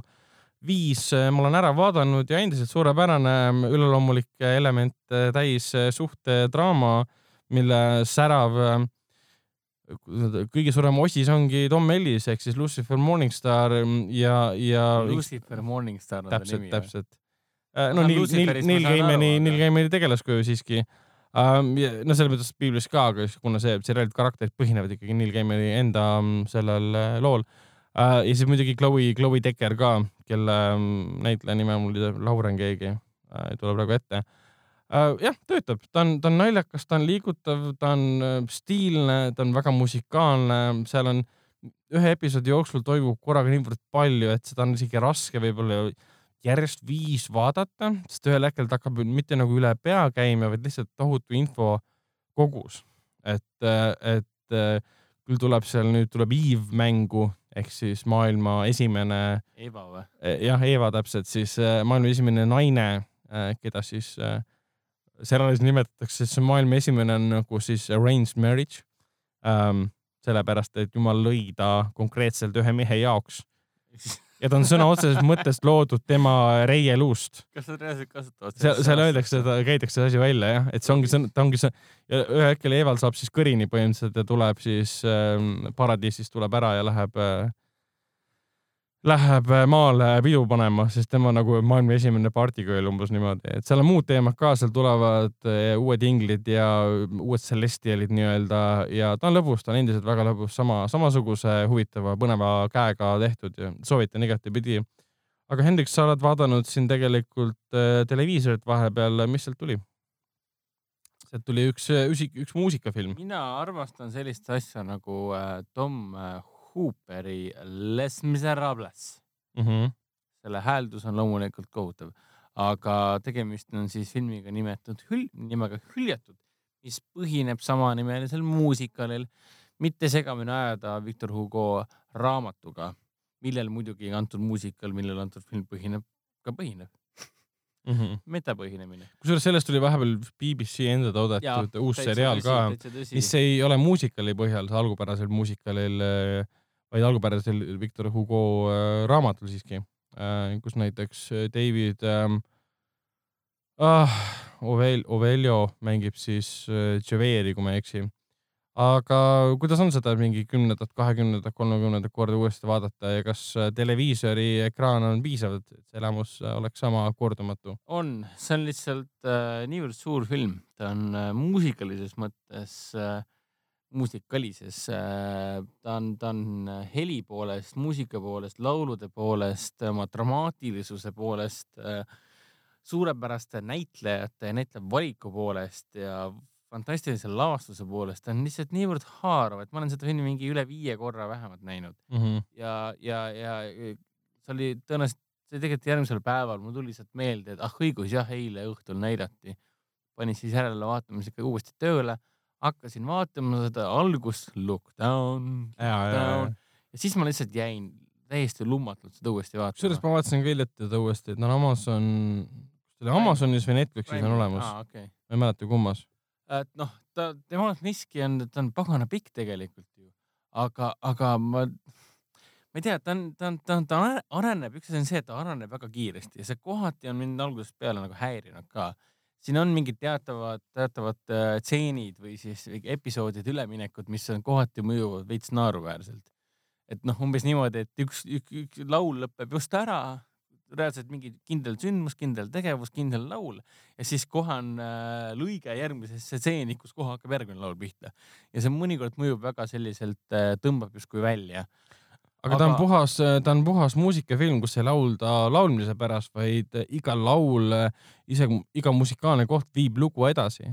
ja seda nagu muusikal sellises võtmes filmi kujul tegema peakski, et laulad ei ole seal sellepärast, et sa vaatad koreograafiat või naudid kellegi lauluhäält, see on sellepärast, et lugu liiguks edasi. jah, ja kogu see tehnika, kuidas seda, seda on kõik läbi ekraani nii hästi näha ja tunda see tehniline viis, kuidas see film üles võeti, no see on see klassikaline hüljatute lugu. Jean Valjean, Javert ja mm. Cosette ja Fontaine ja, ja, ja, ja mis selle Eddie Redmayni tegelase nimi nüüd oli? see, see poiss noh, see noor poiss okei okay., ma olen lihtsalt nii erutatud praegu selle filmi meenutamises. ma näen jah, su käed ja hääl väriseb. aga, aga tehnika selles mõttes, kui keegi veel ei tea, siis noh, võtteplatsil oli kõik reaalsed näitlejate poolt äh, ise oma häälega sisse lauldud. jah, mikrid enamjaolt äh, eemaldati digitaalselt hiljem. kõrvaklapid olid neil kenasti kõrvaaugust kinni muusikaline saade oli seal klaveriga tavaliselt täitsa olemas ja selle, selle abil nad laulsid sisse reaalselt näidel tees mm. -hmm. tavaliselt tehakse kõik seda postproduktsioonis mm, -hmm. tehakse pärastvõtete lõppu äh, maigutamisel lisatakse laulud ja nii edasi. aga siin muidugi parandati tõenäoliselt neid äh, laule Ei, muidugi, ka muidugi, pärast muidugi. postis, aga ikkagi, et see, see toores näitlemisemotsioon kätte saada, tavaliselt on see nagu postis, stuudios, häälekastis nii-öelda lauldes hoopis teistsugune. ja, et see on noh, kui film välja tuli, siis äh, päris palju kritiseerisid just nimelt selle tehnika pärast päris kõvasti filmi, öeldes no,, et äh, Russell Crowe äh, ei suuda näidelda ega laulda samal ajal. Russell Crowe äh, rikkus kogu filmi ära või siis äh, isegi, isegi sõltumata sellest, et Hugh, Hugh Jackman tegi täiesti fantastilise rolli ja fantastiliselt laulis, isegi tema kohta öeldi, et äh, ossa jumal see ei ole ikka päris laulmine, et äkki võtaksite ikkagi mõne päris laulja siia ametisse. Aga, aga, aga, aga, aga see oligi nagu Tom Hooperi äh, eesmärk, et ta reaalselt ehitas, ta hullumeelne, reaalselt ehitas üles mm -hmm. võimsad Pariisi, Pariisi kujutavad võtteplatsid, pani näitlejad mängima sinna keskkonda, laulma omavahel, ta reaalselt lõi äh, noh, lavamuusika oli, mida ma ühest kindlast perspektiivist oleme harjunud nägema lavalt. Aga, aga kujuta nüüd ette, et see, et see mm, lauljate hingestatus jõuab sinuni läbi selle, et kaamera liigub, film liigub nende näitlejate, nende tegelaste ümberringi samal ajal, kui nad laulavad. Mm -hmm. ja see oli see efekt, mida ma siiamaani ei suuda unustada ja see, kui ma seda filmi uuesti vaatan, ma lihtsalt ma naudin seda sellepärast, et sa näed inimeste eh, silmes, tema miimikast, emotsioonist seda, et, et, et nad edastavad sulle seda sada protsenti päriselt, see on päris. kõik need on... Eh, liigutustega kaasnevad hingeldamised on laulus ja. sees, kõik need eh, kõhklused ja mis iganes on laulus sees, et sa näed, et see näitleja tegeleb reaalselt mitme asjaga korraga. jälgid oma keskkonda, markeeringuid võttplatsil, kuhu liikuma kaamera liikumise suhtes ja samal ajal ka laulda et see on tõesti omaette, omaette saavutus. ma kohutavalt armastan seda filmi, ma tean äh, ühte, ühte inimest, äh, meie sõpra, kes on äh, näinud seda filmi tegelikult metsikult palju, vähemalt kakskümmend korda ja teab peast enamikke laule ka no vot, aga see on väärt film ähm,. Lähme edasi filmide juurde, mis eelmisel nädalal ähm, kinodes alustasid nende hulgas oli Pokemon Detektiiv Pikachu, Hotell Mumbai ja Richardi hüvasti jätt ähm, meie nägime neist ära Pikachu, see läheb siis meie nii-öelda Cannes'i ettevalmistuse nii-öelda kapsaaeda pigem.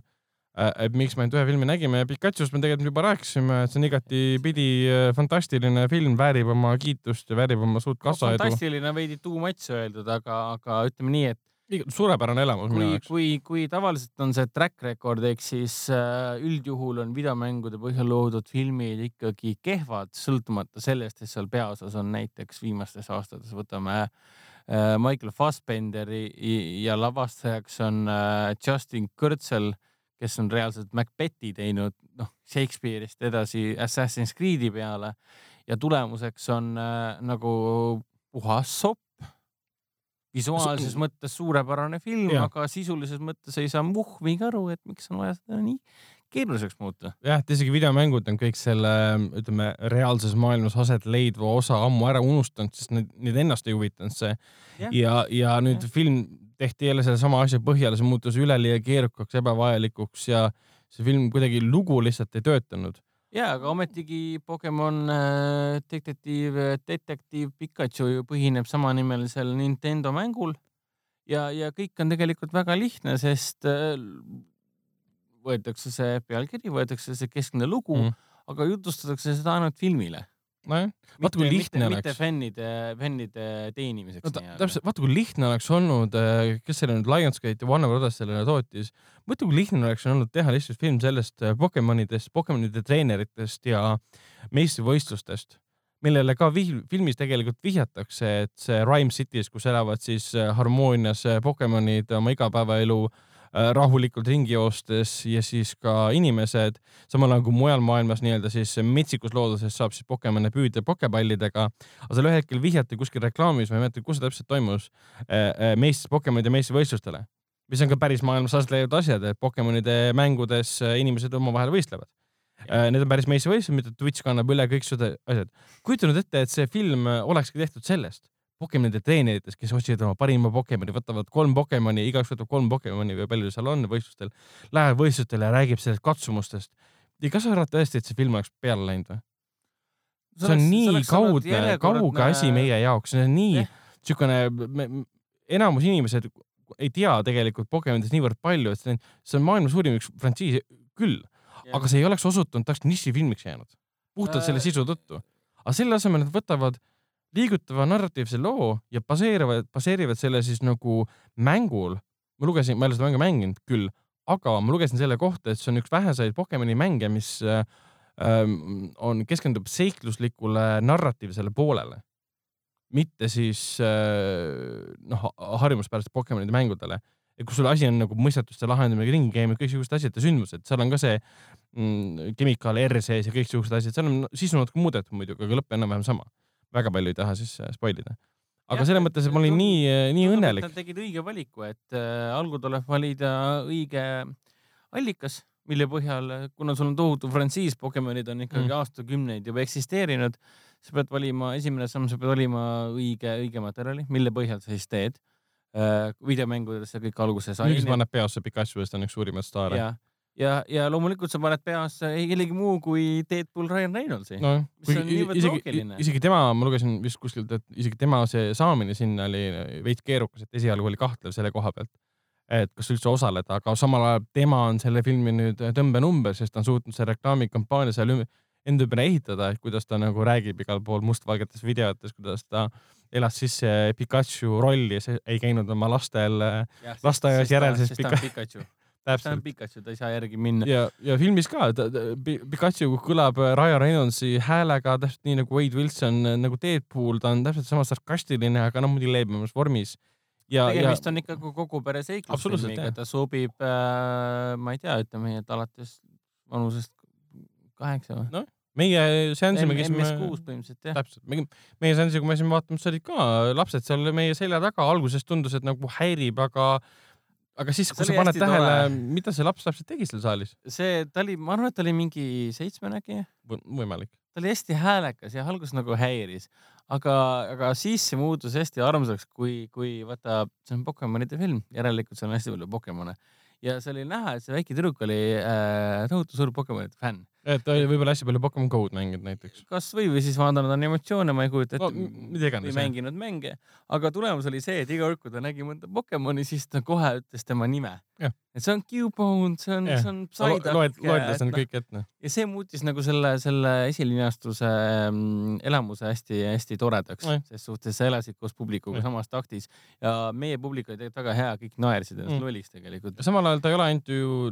ütleme sellises vanuses lastele sest ta on ju ei, vägi, väga ei. võimsa animatsiooniga, realistliku animatsiooniga äh, loodud, eriti kuidas Pikachu välja näeb, kuidas see Rhyme City välja näeb, kus on erinevad siis Pokemonid ja see ka, et ta muutub, võtab nagu ulme trillerile omased pöörded, mis on minu arust väga lahe. seal on äh, film noir element sees, kuna seal on detektiivi lugu. isegi neonoirlik, siukene futuristlik no, noir. urbanistlik maailm, kus on siis äh, pimedad tänavanurgad, kus on, on vesi on maas ja. elava, rikkaliku, põneva maailma, nad on väga hästi lahti selgitanud, kui sa jumal hoidku, kui sa ei tea Pokemonidest mitte midagi Pole oluline. selle filmi suhtes pole üldse tähtsust, sa ei pea isegi teadma, mida tähendab sõna Pokemon no,. Film, film teeb selle niivõrd lihtsaks mitte lihtsalt arusaadavaks nagu sisu ja kõik see, vaid ta nagu hästi-hästi loomulikult, hästi kuidagi noh, ütleme niimoodi, et äh, filmi, sihuke tunne on, et film ei peagi pingutama väga, et sulle lahti selgitada, sest nad teevad ja. seda väga lihtsalt. seal mingeid klassikalisi elemente on, et seal näidatakse, kuidas Pokemonid püütakse.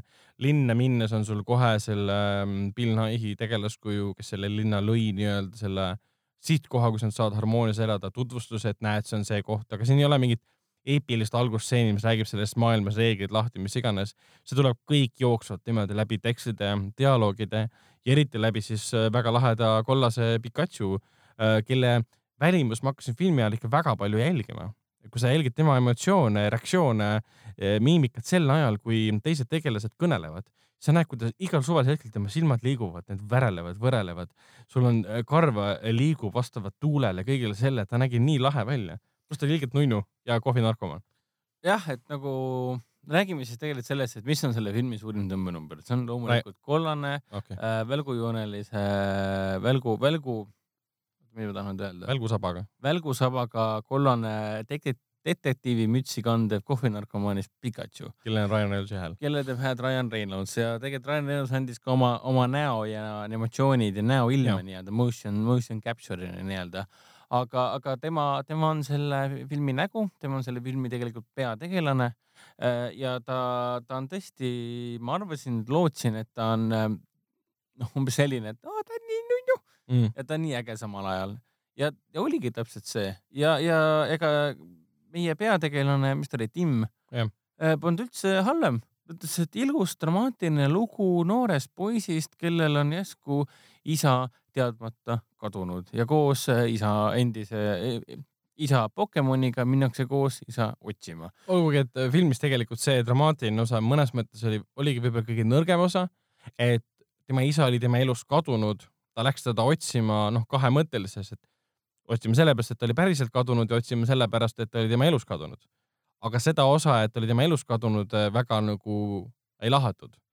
Sest noh, see oli, oli seotud ühe pöördega ja sellest nagu piisas täiesti. aga siiski ilus, nagu sa ütlesid, ilus dramaatiline lugu, ta läheb, läheb nagu korda. ja lõpus nagu ikka on sul selline, selline võimsad lahingud ja kõik sellised asjad ka ja lahedad pöörded ja, ja Pikachu teeb äh, välgu, välgu, välgujooni ja kõik sellised asjad. fännidele suurepärane film ja kõikidele teistele ka. ja et kui, kui sa veel, kallis kuulaja, arvad, et, äh, et see kõlab liiga titelikult, siis äh, kahtlemata see seda ei ole. millega sa kõige rohkem seda võrdleksid? ma võrdleksin seda mingis mõttes ähm, Jumanji Welcome to the Jungle siukene rõõmus koguperre seikluslikkus on siin olemas ja võib öelda nii. teiselt poolt on ta, meenutab ka mida äh,. sihuke Ready Player One'ilikkus on siin teatav, sest ta on mm, nagu veits. retro, retrofuturistlik maailm mingis mõttes. no, rohkem on nüüd kaua aega äh, eksisteerinud ja, ja siin on Ryan Reynolds, põhimõtteliselt sihuke tunne, et sa äh, Deadpooli fännid põhimõtteliselt vaatavad äh, Ryan Reynoldsit kuulavad Ryan Reynoldsit, eh, kes kordagi ei ropenda loomulikult, aga siin on nalju päris palju isegi, millest Mis... Eh, saavad ainult meiesugused ja vanemad inimesed aru. et kui sa oled kümme, siis sa sellest aru väga ei pruugi saada.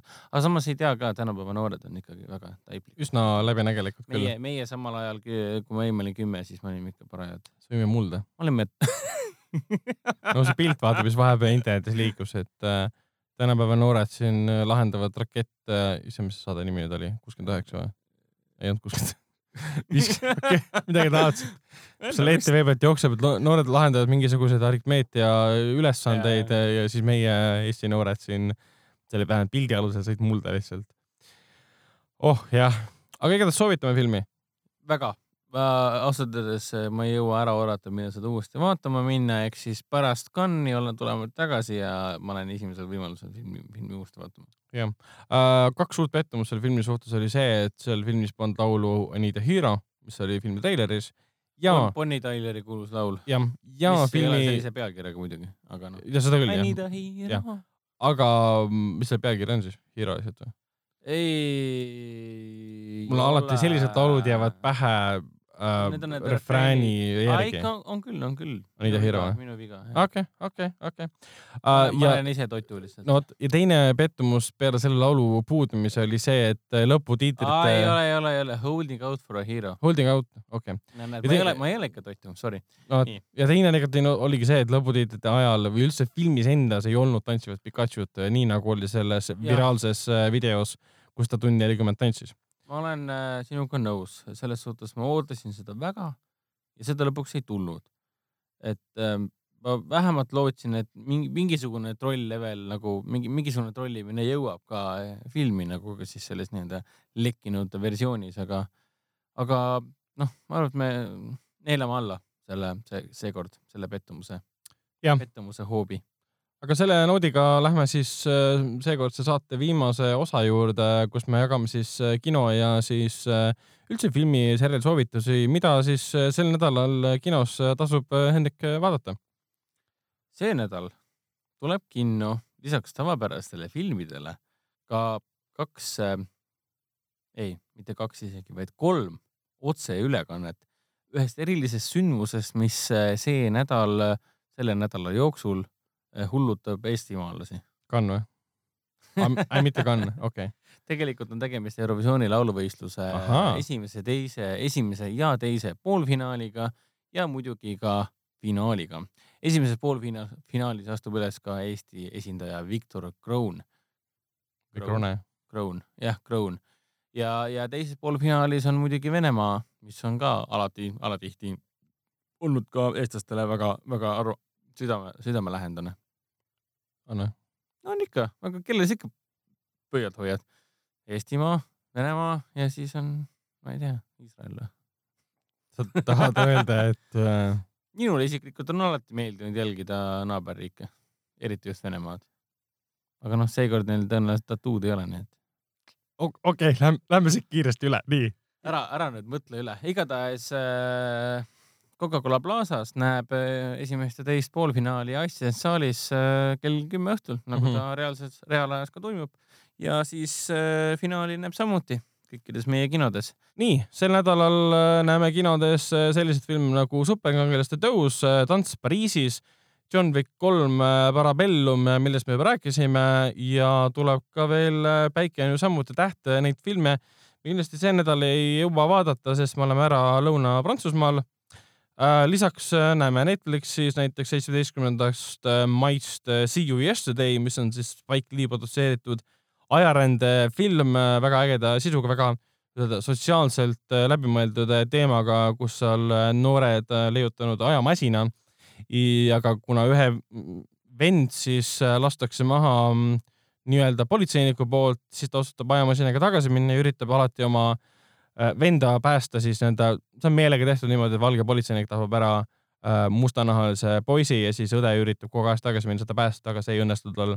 lisaks tuleb Netflixi veel äh, Ali G in the house, mida panin tähele, mis on hästi vana, noh, kuldusfilm nii-öelda, kuueteistkümnendal mail äh, ja siin hiljuti tuli üks uus treiler välja, seitsmendal juunil linastub siis Netflixis I am mother, äh, mis on siuke ulmetriller äh,, Hillary Swanki ja siis äh, ah,. issand jumal, kes tegi roboti häält, praegu ei tule ette mm,. aga see on siukene uh,. Rose Byrne. Rose Byrne, täpselt. Äh, see tuleb jah, seitsmes juuni, aga noh, selle treilerit ma ei soovita vaadata, see annab kõik äh, pöörded absoluutselt ära, mis filmis toimuma hakkab. tundub isegi nagu huvitav um, muidugi soovitame vaadata Telia HBO-s Tšernobõli ja isiklik soovitus oleks mul ka Youtube'is vaadata God of War'i dokumentaalfilmi Racing Kratos on selle nimi, Making of documentary, see on siis äh, eelmise aasta ühe parima videomängu loomisest, äh, poolteist tundi kestab. Äh, kui te ei tea mitte midagi videomängude tegemisest, siis see annab päris hea ülevaate, kuidas teha ja kui raske on teha ühte kõige aegade edukama videomängu ja mida see tähendab asjaosaliste jaoks ja eriti enda näitlejate jaoks, muidugi mängurežissööri jaoks ja et see ei ole päris nii lihtne, et antakse suur eelarve ja kõik saadakse valmis ja mina nautisin seda küll. kindlasti on see neile mõeldud ka, kes on, teavad väga hästi, mis on God of War, aga eriti just neile, kes äh, ei ole võib-olla videomängude kursis, äh, nii nagu meie siin äh, laua taga. vot, aga sellega on meie tänane saade läbi ja näeme juba järgmine kord pärast Cannes'i filmifestivali. mina olen Ragnar, minuga koos oli saates Hendrik ja mina ütlen siitpoolt tšau. tšau.